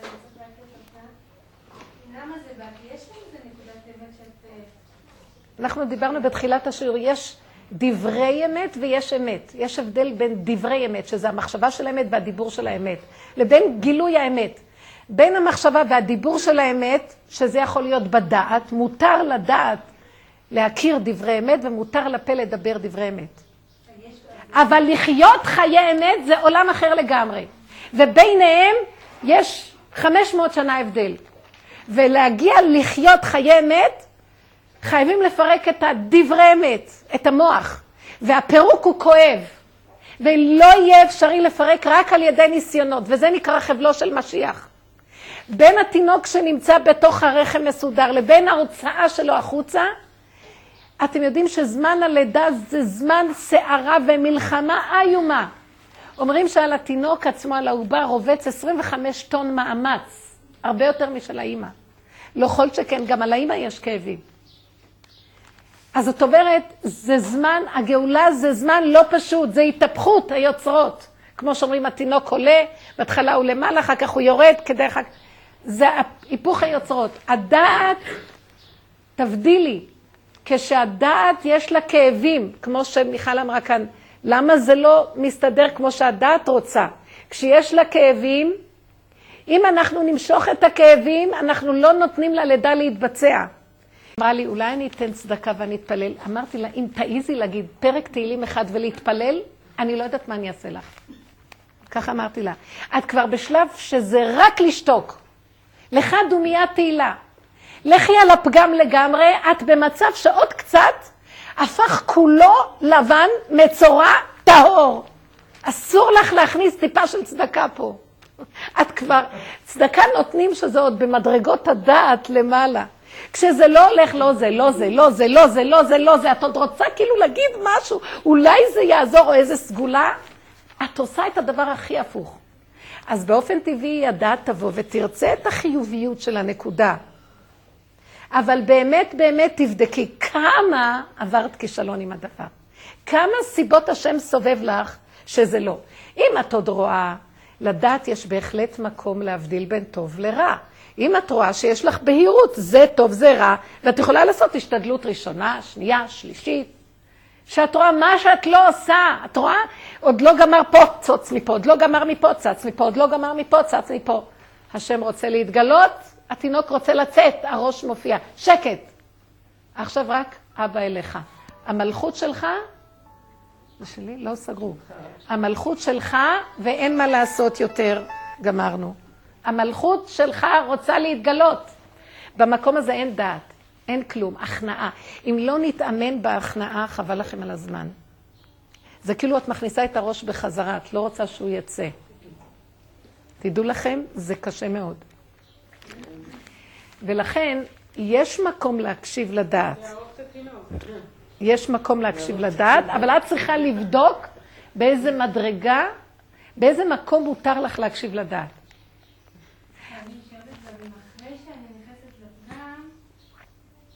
אה, אה, לא אם אחר כך זה צריך להביא לחיבור לנקודה של ה... כן, כן. נכון מאוד. נכון מאוד. אם אנחנו סוגרים את הדת והולכים על הצד של הבהמה, אדם ובהמה תושיע. השם יחבר את הדת, כי הדת, דעו לכם, עץ הדת זה עץ החיים. אבל לא לפני שהבן אדם יורד עד הסוף, אוכל אותה עד הסוף, מכניע ראש ומחזיר את הכל לבורא. בוודאי, מי שלח לך את הרצון הראשוני, דיברנו על זה לפני שבת, זה בורא עולם. רק הוא רוצה שמיד נעביר אליו ונישאר במקום. במקום להרחיב את הדעת, הדורות שלנו זה כבר לא דור של הרחבת הדעת. אנחנו בסכנה גדולה מהרחבה. זה, זה ממש מסוכן ההרחבה. ההתדמות לאלוקות היא כל כך גדולה. לדעתי, איך שתפסו היום את ברסלב, מותר לי להגיד את זה לדעתי, זה מאוד מסוכן. הפכו את זה למשהו חיובי, רוחני, רחב. זה, יש בזה אמת גדולה מאוד, ולקחו אותה לטבע, לחיוביות של הטבע, של הדעת החיובית. במקום לרדת עד הסוף לשלילת הדעת, ואז גילוי הבורא. וברור שזה דברי אלוקים חיים, יש בזה אלוקים. רק לה- להוריד את זה מגדר דברי למצב של אלוקות. ואם אנחנו משאירים את זה בדברי, זה נהיה רוחני, זה נהיה אני גדול רוחני, וזה נהיה כמו גדר של עבודה זרה. אנחנו לא שמים לב אפילו. כי עיקר הדורות האחרונים זה לתת, לסגור את הדעת ולתת לבורא עולם להתגלות. אין דעת. כי אנשים מאוד מפחדים מהכאב. אדרבה, אם מפחדים מהכאב, שיסגרו, אבל מה? בורחים מהכאב על ידי דעת רחבה לסיפוק או ריגוש שכאילו יעזרו. זה כמו לקחת איזה אקמול או משהו, נחמה פורתא. כולנו עושות את זה, ברור. זה כאילו מ- מבריח. להרגיע את הכאב ולחפש משהו, נגיד אני שומעת עוד שיעור, שהוא, אני, אני דרך, אבל הוא מביא לי מתיקות, הוא מביא לי אור ונשמה. לא מעבר, אבל זה נעים לי, זה טוב לי בעבודת השם. אבל זה לא טוב. אבל אני חייבת את זה. תגידי את. אבל אני חייבת. חכי, חכי. אני, כל השבוע האחרון הייתה לי ריקנות, את עונה לה?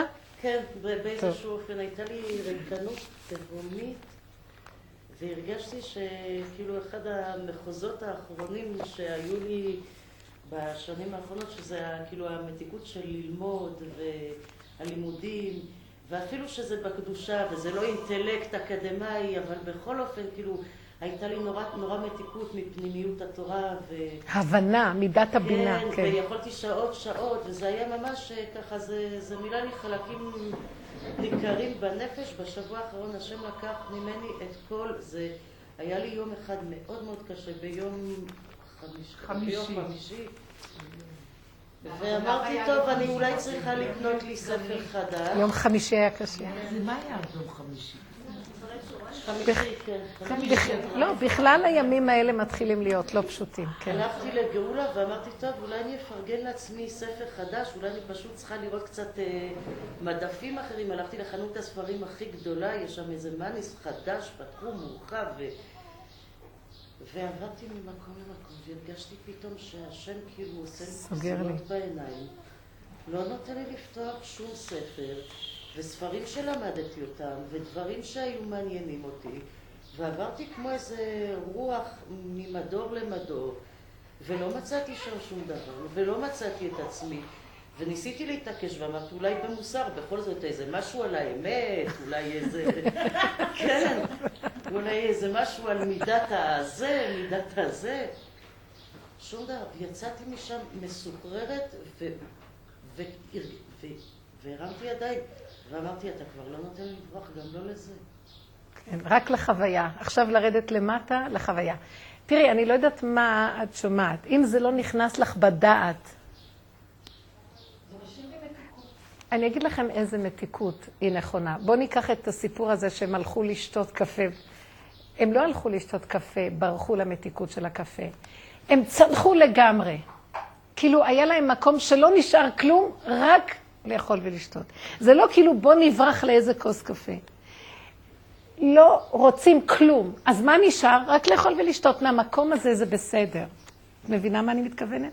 נגיד ככה רבנית, באותו נקודה הם היו יכולים להגיד, אנחנו בחוסר אונים טוטאלי, אנחנו לא לא יודעים מה לעשות, ובמקום זה הם הלכו למקום של להגיד, אין לנו כן, אבל שמה זה אין- אתה. אבל אין אז להם- אנחנו הולכים לשתות ולאכול. אבל באופן... זה המקום. זה המקום. אין לנו כלום. אז אם אין לנו כלום, מה נשאר? מה כן יש איכשהו אחרון, שמה שנשאר, החיות המינימלית, הכלום, משהו טעים. חושים, חוש המישוש, חוש הטעם, חושים נמוכים של הבהמה. זהו, אבל זה בא מהמקום לא של ייאוש, טוב, מה עוד נשאר? בואו נלך לשתות. אז שילכו לשתות כוסית ויגמרו לגמרי עם הדת. לא. הם הלכו במקום של פשטות. זה, אם אתם הולכים למקום כזה, זאת אומרת, המקום הזה מוליד את המחשבה לזה וזה וזה.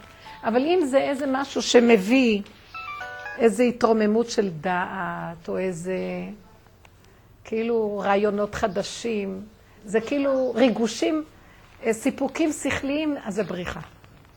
ואחר כך הדת, אה, אז, אז הצרת מתרבה.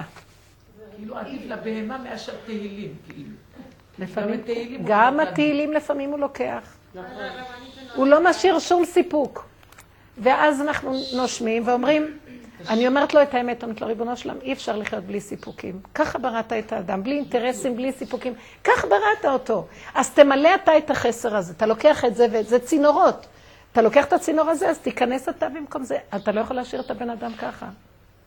תרחם עליו, ושהוא יהיה שעון עליך במתיקות. אבל ככה, תתפללו על זה, שלא ייקח את המתיקות והערבות של הכלום. אבל אם הוא לוקח לי את הדבר שעליו אני נשענת, אז תיתן לי את הרשימו של משהו מתוק ושזה אתה מולך בו. בסדר. אבל אל תשאיר אותי בריק הנורא הזה, כן? אם היינו יודעים... בטח יתפלל, הוציאה ממסגר נפשי. זה מה שאני מרגישה, שהנפש שלי נמצאת בתוך בית סוהר. כן. ועל זה אני מתפללת. אני בזה כן אחוזה. בואו אני אגיד לכם דבר, בנות יקרות. המסגר הזה של בית הסוהר, של הנפש, זה קורי עכביש של הדמיון. אם אנחנו, רק תכירי, תכירי, נכון, זה קורי עכביש. קודם כל תכירי שזה לא באמת ברזלים. בנשימה אחת נעלם הכל, והרישה כולה כעשן תכלה, אבל עדיין אני לא יכולה לעשות את הנשימה הזאת. לפחות שאני מזהה שזה הכל הדמיון שלי, ואני אחוזה בדמיונות, ברצונות, בהתרחבויות, שנראה לי שבלי זה אני אמות. זה לא נכון. אנשים מתאבדים. כי הם חושבים שאם כך וכך, אוי ואבוי. כאילו, הם עושים חשבונות לדמיונות שלהם, בכלל אין לא דובים ולא יער, זה רק הוא עם עצמו והדמיונות שלו. אז לפחות תכירי את זה, עדיין אני כלואה. אבל אם אני מכירה את זה, ומעלה להשם ריבונו של עולם. המסגר שאני כלואה בו, זה הדמיונות של הדעתנות שלי וההתרגשות שהתרחבה, זה כל ההסתעפות שהתחילה מהגניבה של הדעת. תרחם עליי. אני לא יכולה להחזיק מעמד. נכון, אם אני מזהה איפה הקלקול, זה כבר 50% רפואה.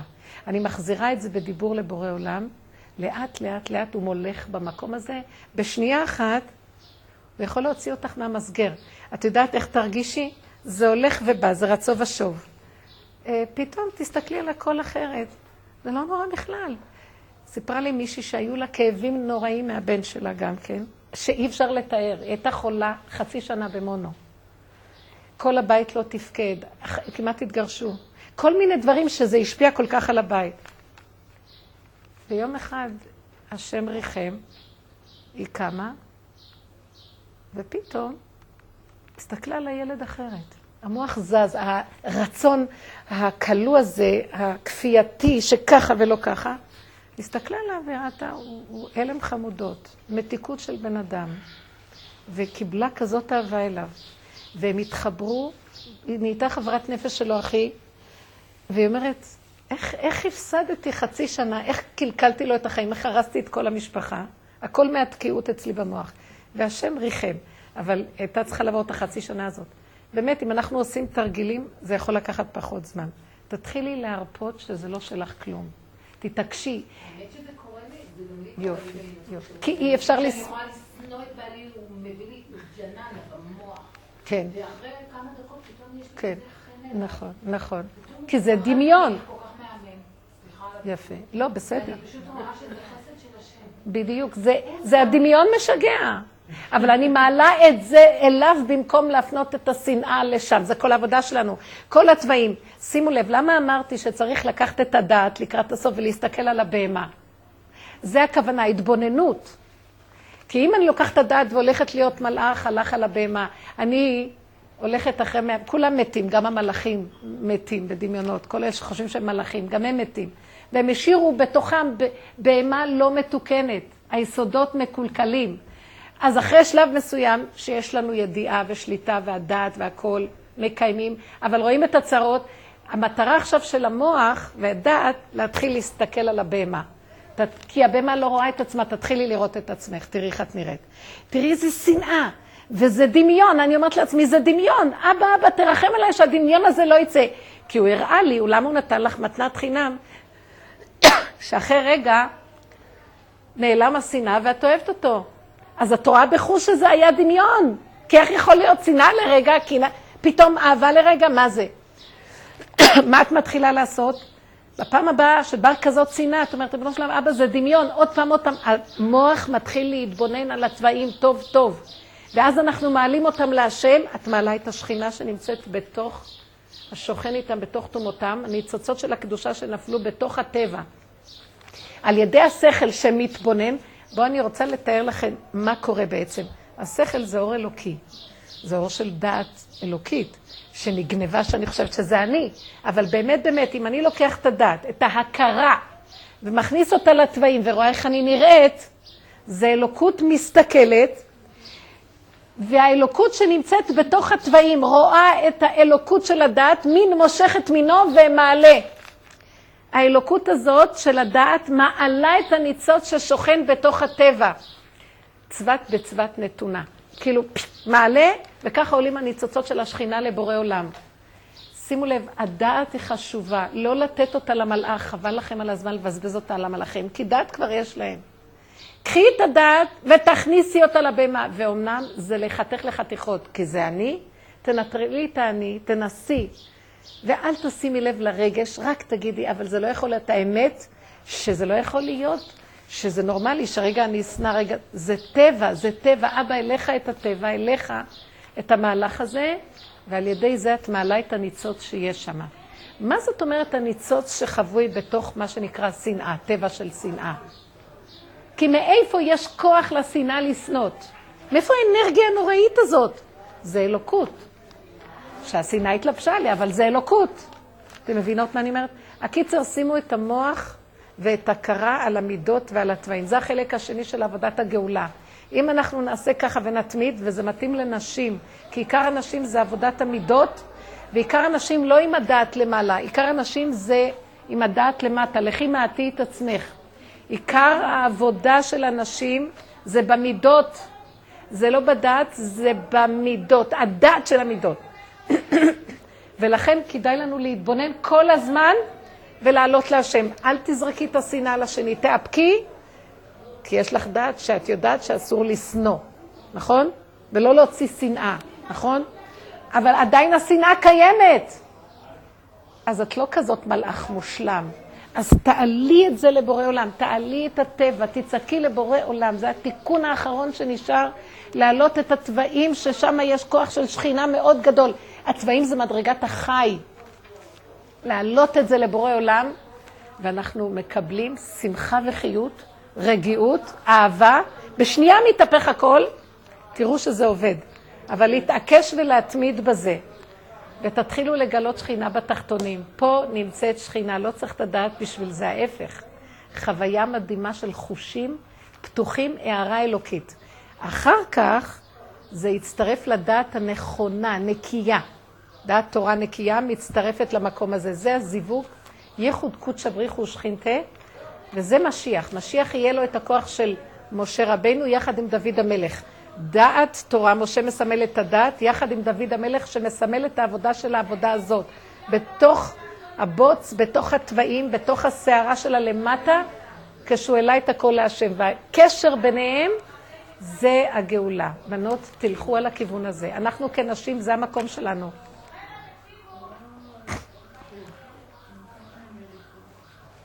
כן, סליחה. בקול רב.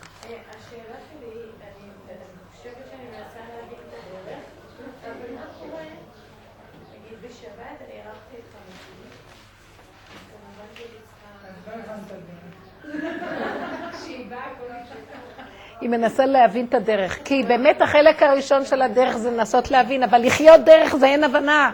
כמו שהיא אמרה, חושך, אין כלום. אמונה. אמונה, בחושך אמונה. אין בדעת אמונה, ברור. כן.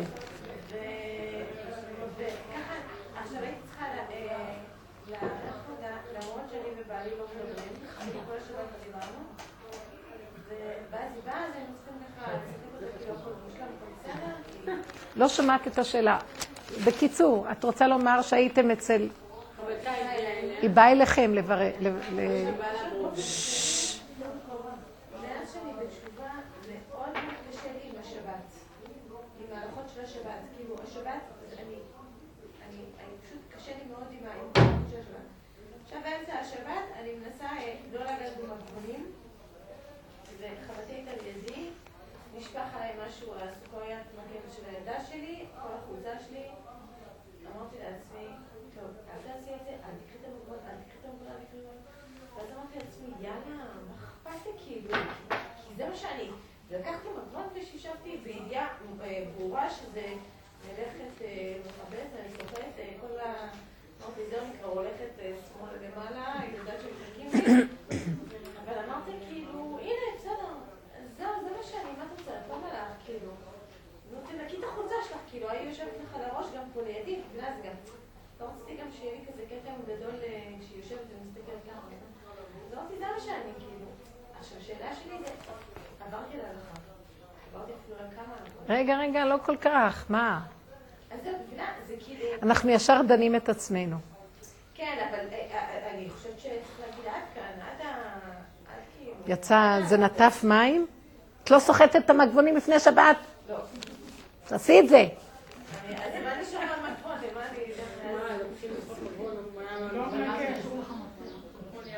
זה היה שחור או לבן? מה זה היה? זה היה בגד שחור? יותר טוב.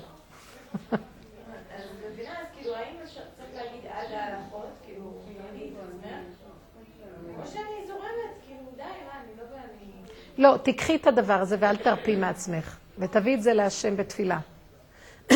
תגידי לו, דעת לחוד ומציאות לחוד. נכון שצריכים, כתוב, מי שלא משנן הלכות שבת, לא יכול להיות שהוא, שהוא לא יעבור על איסורי שבת. זה קשה מאוד. אני אני לומדת, אני ידעתי שזה סוחט ומקבץ. אבל לא- הייתי צריכה להחזיק את עצמי בכל מקרה? אין מה? לי כוח, את לא יודעת איך קשה לי כן. לא זה לא רק את. אני רואה, אני רואה לפעמים, כמה פעמים שיש לי כל מיני שאלות.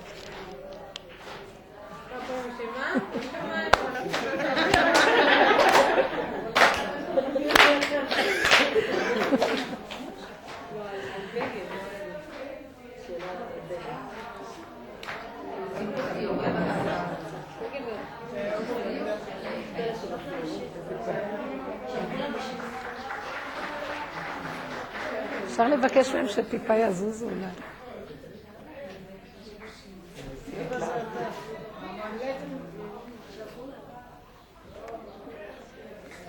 אני אומרת שכל עיקר העבודה מתחילה עכשיו.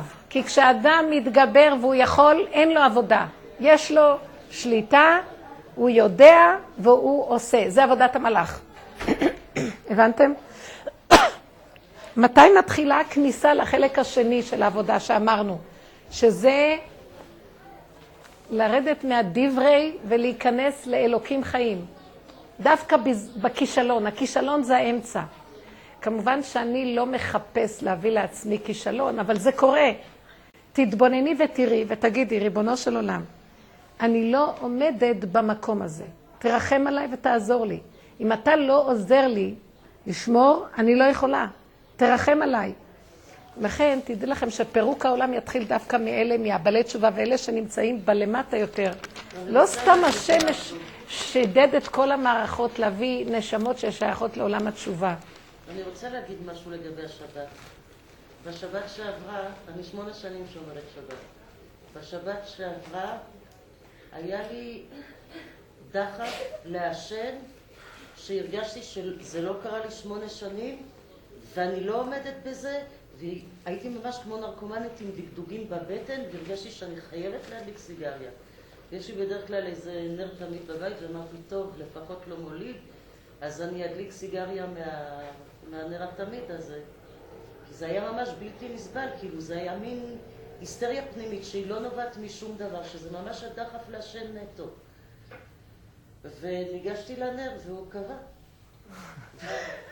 אבא זה אתה. ואמרתי, טוב, אז אם ככה אה, אני חייבת הסחת דעת, ויצאתי החוצה, והאכלתי את כל החתולים של השכונה, וחזרתי הביתה, וניסיתי לקרוא משהו, והלכתי בהיסטריה עד החצר של רב בושר, וכמו מטורפת נשארתי שם את כל המזוזות, ואמרתי, תחזיק אותי, תחזיק אותי, ואז התחלתי משהו לדבר, ואמרתי לו, ריבונו של עולם, אם אני מדליקה סיגריה, אל תבוא אליי בטענות. אל תבוא אליי בטענות, אני לא יכולה לעמוד בזה, תרחם עליי, אם אתה לא מחזיק אותי, זה לא אני. תעזור, תרחם. איכשהו עבר עד מוצאי שבת, איזה יופי. במוצאי שבת הייתה לי הרגשה שלא יעזור כמה התאמנת, אין לך קניין. אם אין שם. סייעתא דשמיא, לא שלך. רק רגע, ולא משנה, אתם רואים מה, עוד קרה פה? שבת, תראו עוד מה. קרה פה. היא, היא, מתארת מצב שהיא ירדה מ- מעולם הדעת של השליטה של היכולת, והיא נכנסה למקום של גילוי שכינה. בעולם של גילוי שכינה, איך זה יעבוד? אם את באה לאכול איזה פרי שיש בו תולעת, התולעת תצעק אל תאכל אותי. אם את רוצה לקטוף בשבת איזה, אני טיילתי, הייתי בהר נוף, היה איזה שבת, ועברתי שם בחורשה, יש שם את היער היפה הזה, והיה לי, שכחתי שזה שבת, הרמתי יד לקטוף איזה משהו, והרגשתי, משהו עצר לי את היד. זה יהיה הנהגה, לא הדעת שלך תעצור, השם ישמור את ההלכות שבת.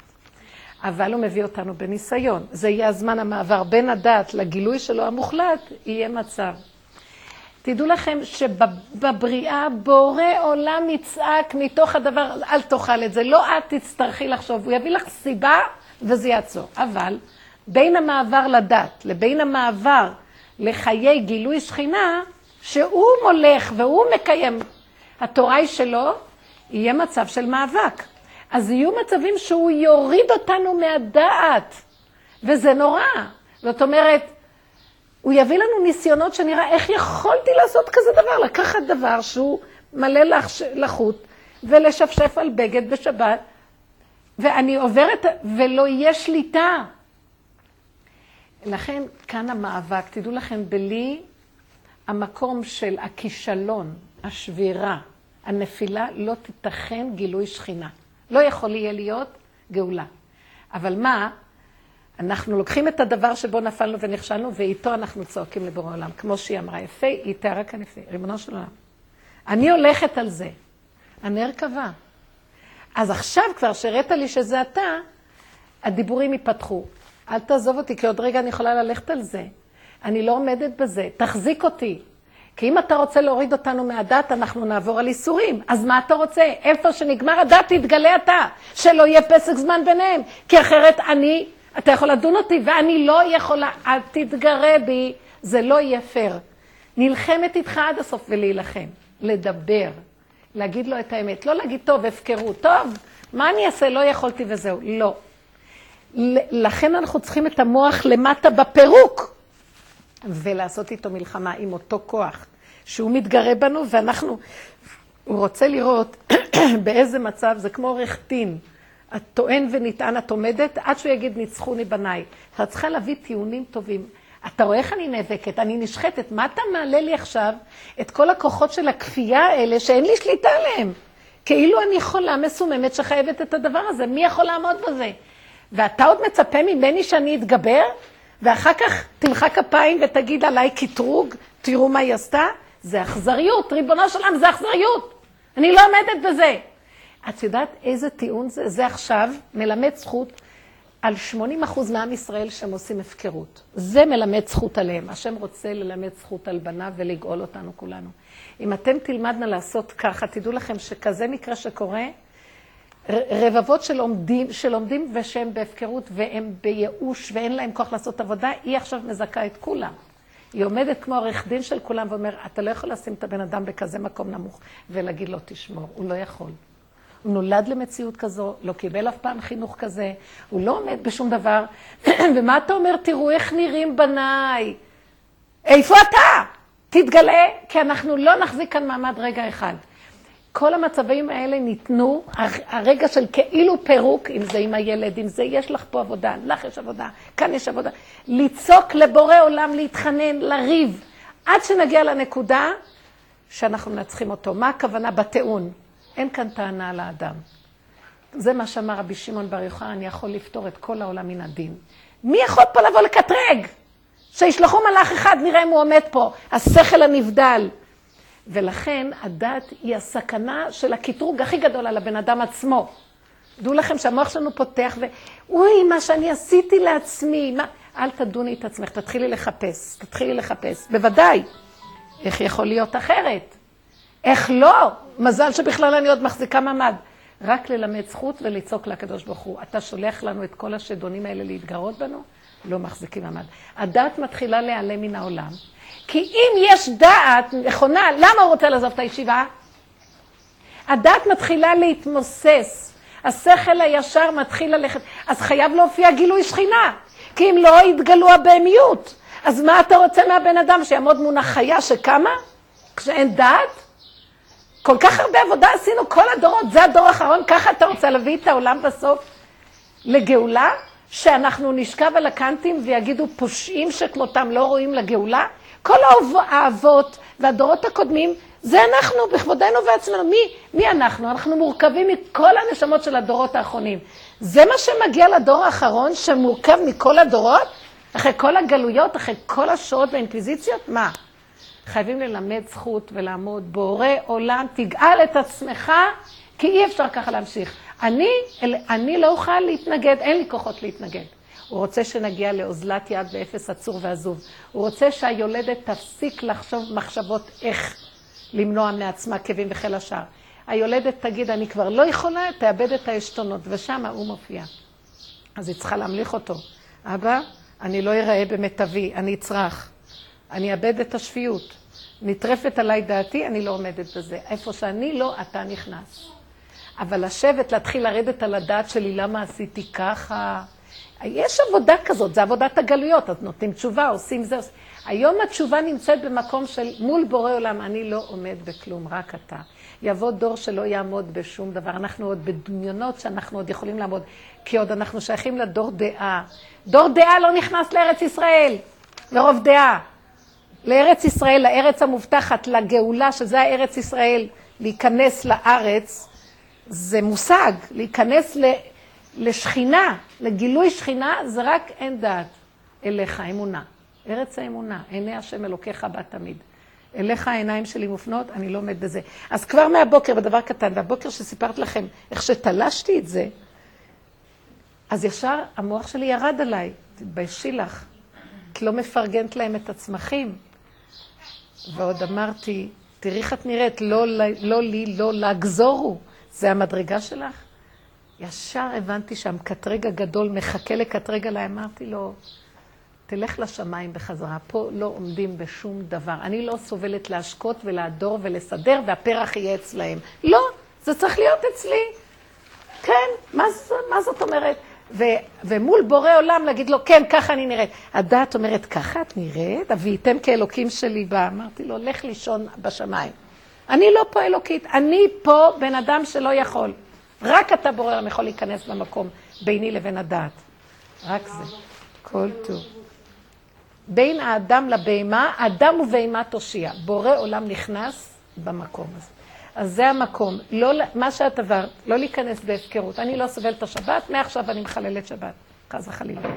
לא, אני צריכה לנצל את המצב הזה, לבוא בדין ובטענות ובדברים. קודם כל, להגיד, אני בהפקרות, אין לי כוח אפילו לעשות עבודה, גם את זה תגידי. גם אני אגיד, "דמה, אני לא סובלת שבת, מה אני אעשה? אז תגידי לו, ריבונו שלם, לא עומדים בכלום, אל תביא אותי בניסיון, כי לא יצדק לפניך כל חי. וזה מה שקראתי פה, עוד פעם. הרצון מוליד התנסות. הרצון להיות צדיקה. הרצון לקיים הלכות שבת. אני לא רוצה כלום. אני לא רוצה גם להשתעמם. אני לא, רגע, אני לא רוצה שום דבר. השם, אם אתה מביא משהו, אתה תיכנס בתוכו. אם לא, אני, אם אני רוצה, מיד מוליד את ההתנסות. הניסיונות, הרצון יורד ישר למחשבה, הרצון זה הכתר, ישר הוא יורד למחשבה, שזה המוח, זה הבריאה, ישר ליצירה, שזה הדיבור, ישר לעשייה, ישר התרחבות, ישר אני בניסיונות, כמו שהקראתי לכם. אני בניסיונות, אני מנסה להילחם, בסוף יהיה כישלונות ומכות. אז איכשהו מופיע לי, אני אומרת לו, ריבונו של עולם, אתה רואה את הכתם הזה? אתה רואה את הסיגריות? אני, אני רואה אותם ואני לא מחזיקה ממד, כל הגוף רועד לי. היד שלי רוצה לקחת ולנקות. חמותי מסתכלת עליי, אל, תש... אל תשסה בי את העולם, אני לא עומדת בכלום. אני אקח, אני אנקה, אני לא עומדת. ככה צריכים לעמוד ברגע הזה. תרחם עליי, אני הולכת. אני לא מחזיקה מעמד בכלום. ובמקום הזה נגיד לו, להעביר לו את כל המהלך שאני שומרת שבת. אני לא שומרת שבת, אני לא מצליחה שום דבר. אני כבר לא יודעת מי אני. אם אתה לא נכנס באמצע, לא יהיה לך את מי לגאול. תסדר את עולמך. ככה אני אומרת לו. ואני רואה איך שהוא שומר. את חייבת להגיע למקום, זה, זה עבודה נהדרת, זה הישרדות. ואתה עוד רוצה שאני אתן לעצמי דין וחשבון שלא נשרדתי? זה הגדלות והגאווה של השטן של וייתם כאלוקים. וזה המקטרג הכי גדול עם זקן ארוך וכובע עד השמיים.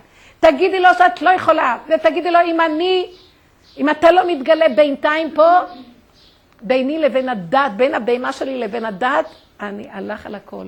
ככה יראה הדור האחרון, לא יהיה לך את מי לגאול. תגרי אותו לגאול אותך, זהו. צריך לגרות את הבורא עולם לגאול אותנו, כי אנחנו לא נמשיך ככה. אל תלכו לעשות, ואל תלכו גם בהפקרות שמה אכפת לי. זה האמצע. לקחת את היסוד שמתחיל, לזהות אותו ולהתעקש. נפלנו, פעם הבאה. עוד פעם, עוד פעם. זה לא חשוב, לא, לא מצליחים.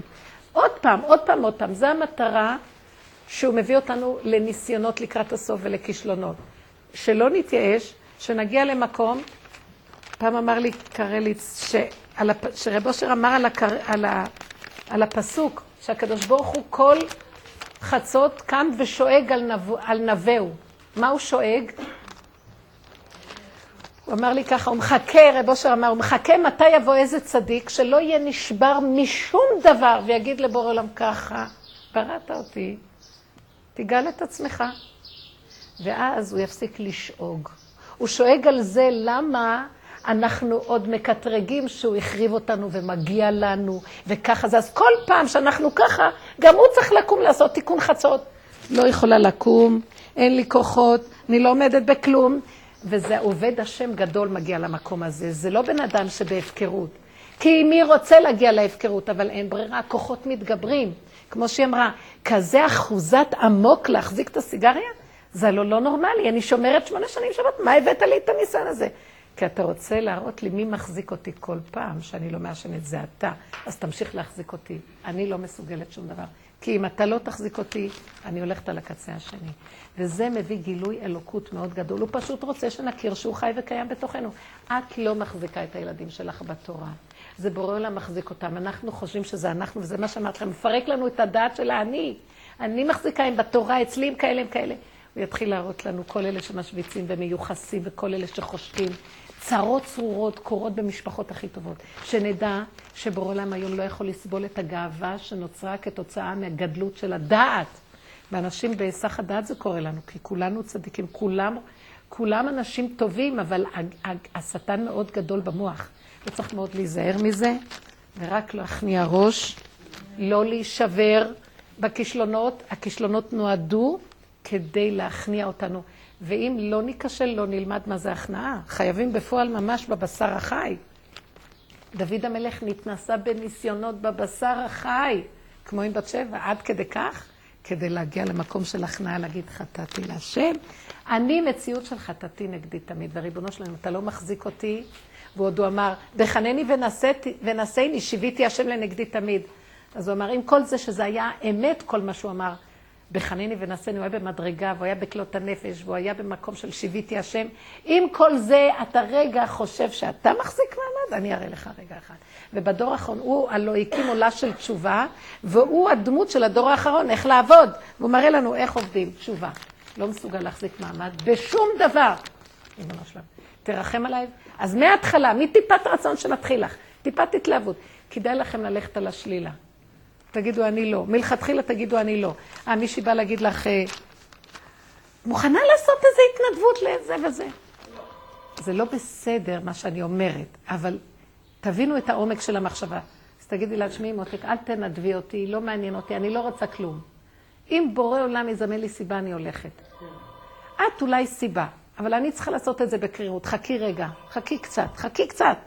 כי אני לא רוצה להתנפל על המצווה, אני רוצה ללכת עם סיבה. בורא עולם דרכי מקיים את התורה שלו. אני לא רוצה ללכת בלי השם.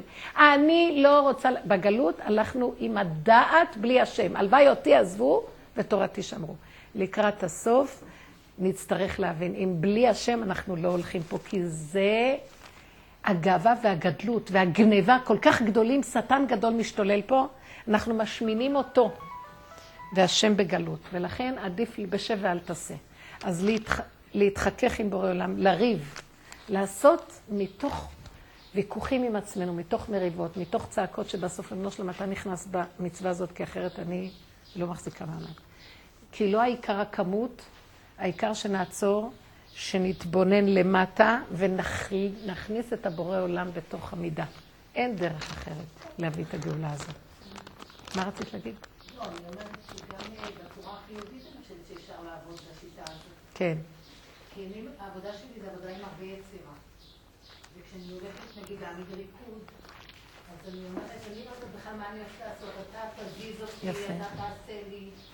במיוחד היום שאני עובדת עם קבוצה של ילדות על כיסאות גלגלים, אז בכלל, אני לא יודעת מה אני עושה. יפה. הוא פשוט שם אותי, ופתאום קורים דברים שבכלל זה לא אני, באמת אני אומרת, אז למה אם הבן שלך זה את? כי זה הבן שלי. או, כי שם את לא יצירתית. לא, כי אני שמה... אמרתי לבעלי, אני שתי דמויות. יש לי שני אנשים, אני כן, בן אדם אחד בדיוק. שאני מחוץ לבית, ובן אדם אחר שאני בבית. אז זהו, אז תביאי את הבן אדם הזה, אני בדיוק. כן, אני- כן, הוא רוצה שתכניסי אותו לבית. אנחנו גרות ברחובות, בנות. נכון, בנות. אנחנו צריכים להביא אותו כל הזמן בכל מצב. משם, את תקחי דוגמה, כמה שאת ממליכה אותו שם, תמליכי אותו גם פה, אם לא כאבים גדולים. חס וחלילה. אין לנו כוח לסבול. זה פיקוח נפש היום, כאבים. אבל הילדים וגם בעלי מכריחים אותי לדבר. אני לא יכולה לא לדבר, כי ממש מכריחים אותי. ממש. כשהבן שלי משתף אותי, הוא בעצם רוצה שאני אגיד לו משהו. אז תגידי לו משהו. מה? תגידי לו משהו. תראי, את יכולה לדבר, אבל תלוי איזה דיבורים, לא דיבורים של טבע. הם גוררים אותך למהלך הזה, ואת תצעקי על ידם, לבורא עולם. ריבונו של עולם, הם גוררים אותי ואני לא רוצה. אין לי דעה ואין לי דיבור, ואפילו אם יש לי, אני לא רוצה ללכת עליהם. זה דעה בלעדיך. אני רוצה שאתה תיכנס בדיבור שלי ובדעת שלי. אני לא מחזיקה מעמד. המון זמן עד שאני... זה, ואז אני- תתחילי להתאמן. לא, תתחילי להתאמן. כי זה נורא אכזרי מה שקורה. הבנתם? יצרנו מצב של סביבה שהיא קוברת אותנו. אנחנו גרמנו את זה כמובן, כי אנחנו כל הזמן, אנחנו פיתחנו את הצורה הזאת, שזה רפלקס מותנה. אני דיברתי כל השנים, ועכשיו אני לא רוצה לדבר, אז הם עכשיו במקומי, אבל את צריכה לדבר. אין דבר. תתעקשי על זה ותעבירי את זה. השם גם שם יביא לך את היצירתיות ויעזור לך. את לא תאמיני איזה ישועות הוא יביא לך.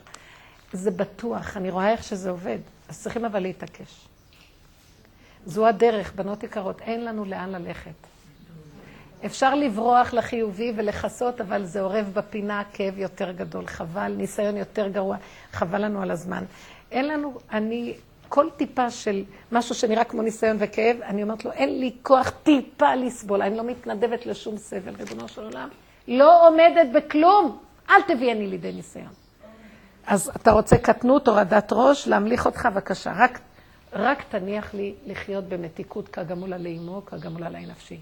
אל תכנסו לניסיונות, אל תלכו בגדלות הזאת, זה הכאבים הכי גדולים שיש שם לאדם.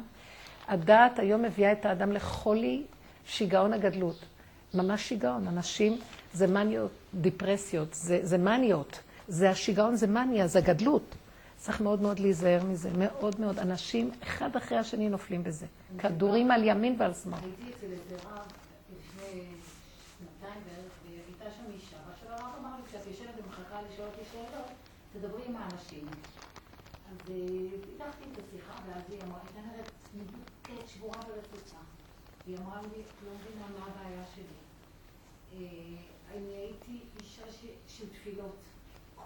בקבר רחל אמנו, קבר שמואל הנביא, כל הזמן מתפללת, כולם ביקשו ממני שאני אתפלל בשבילם.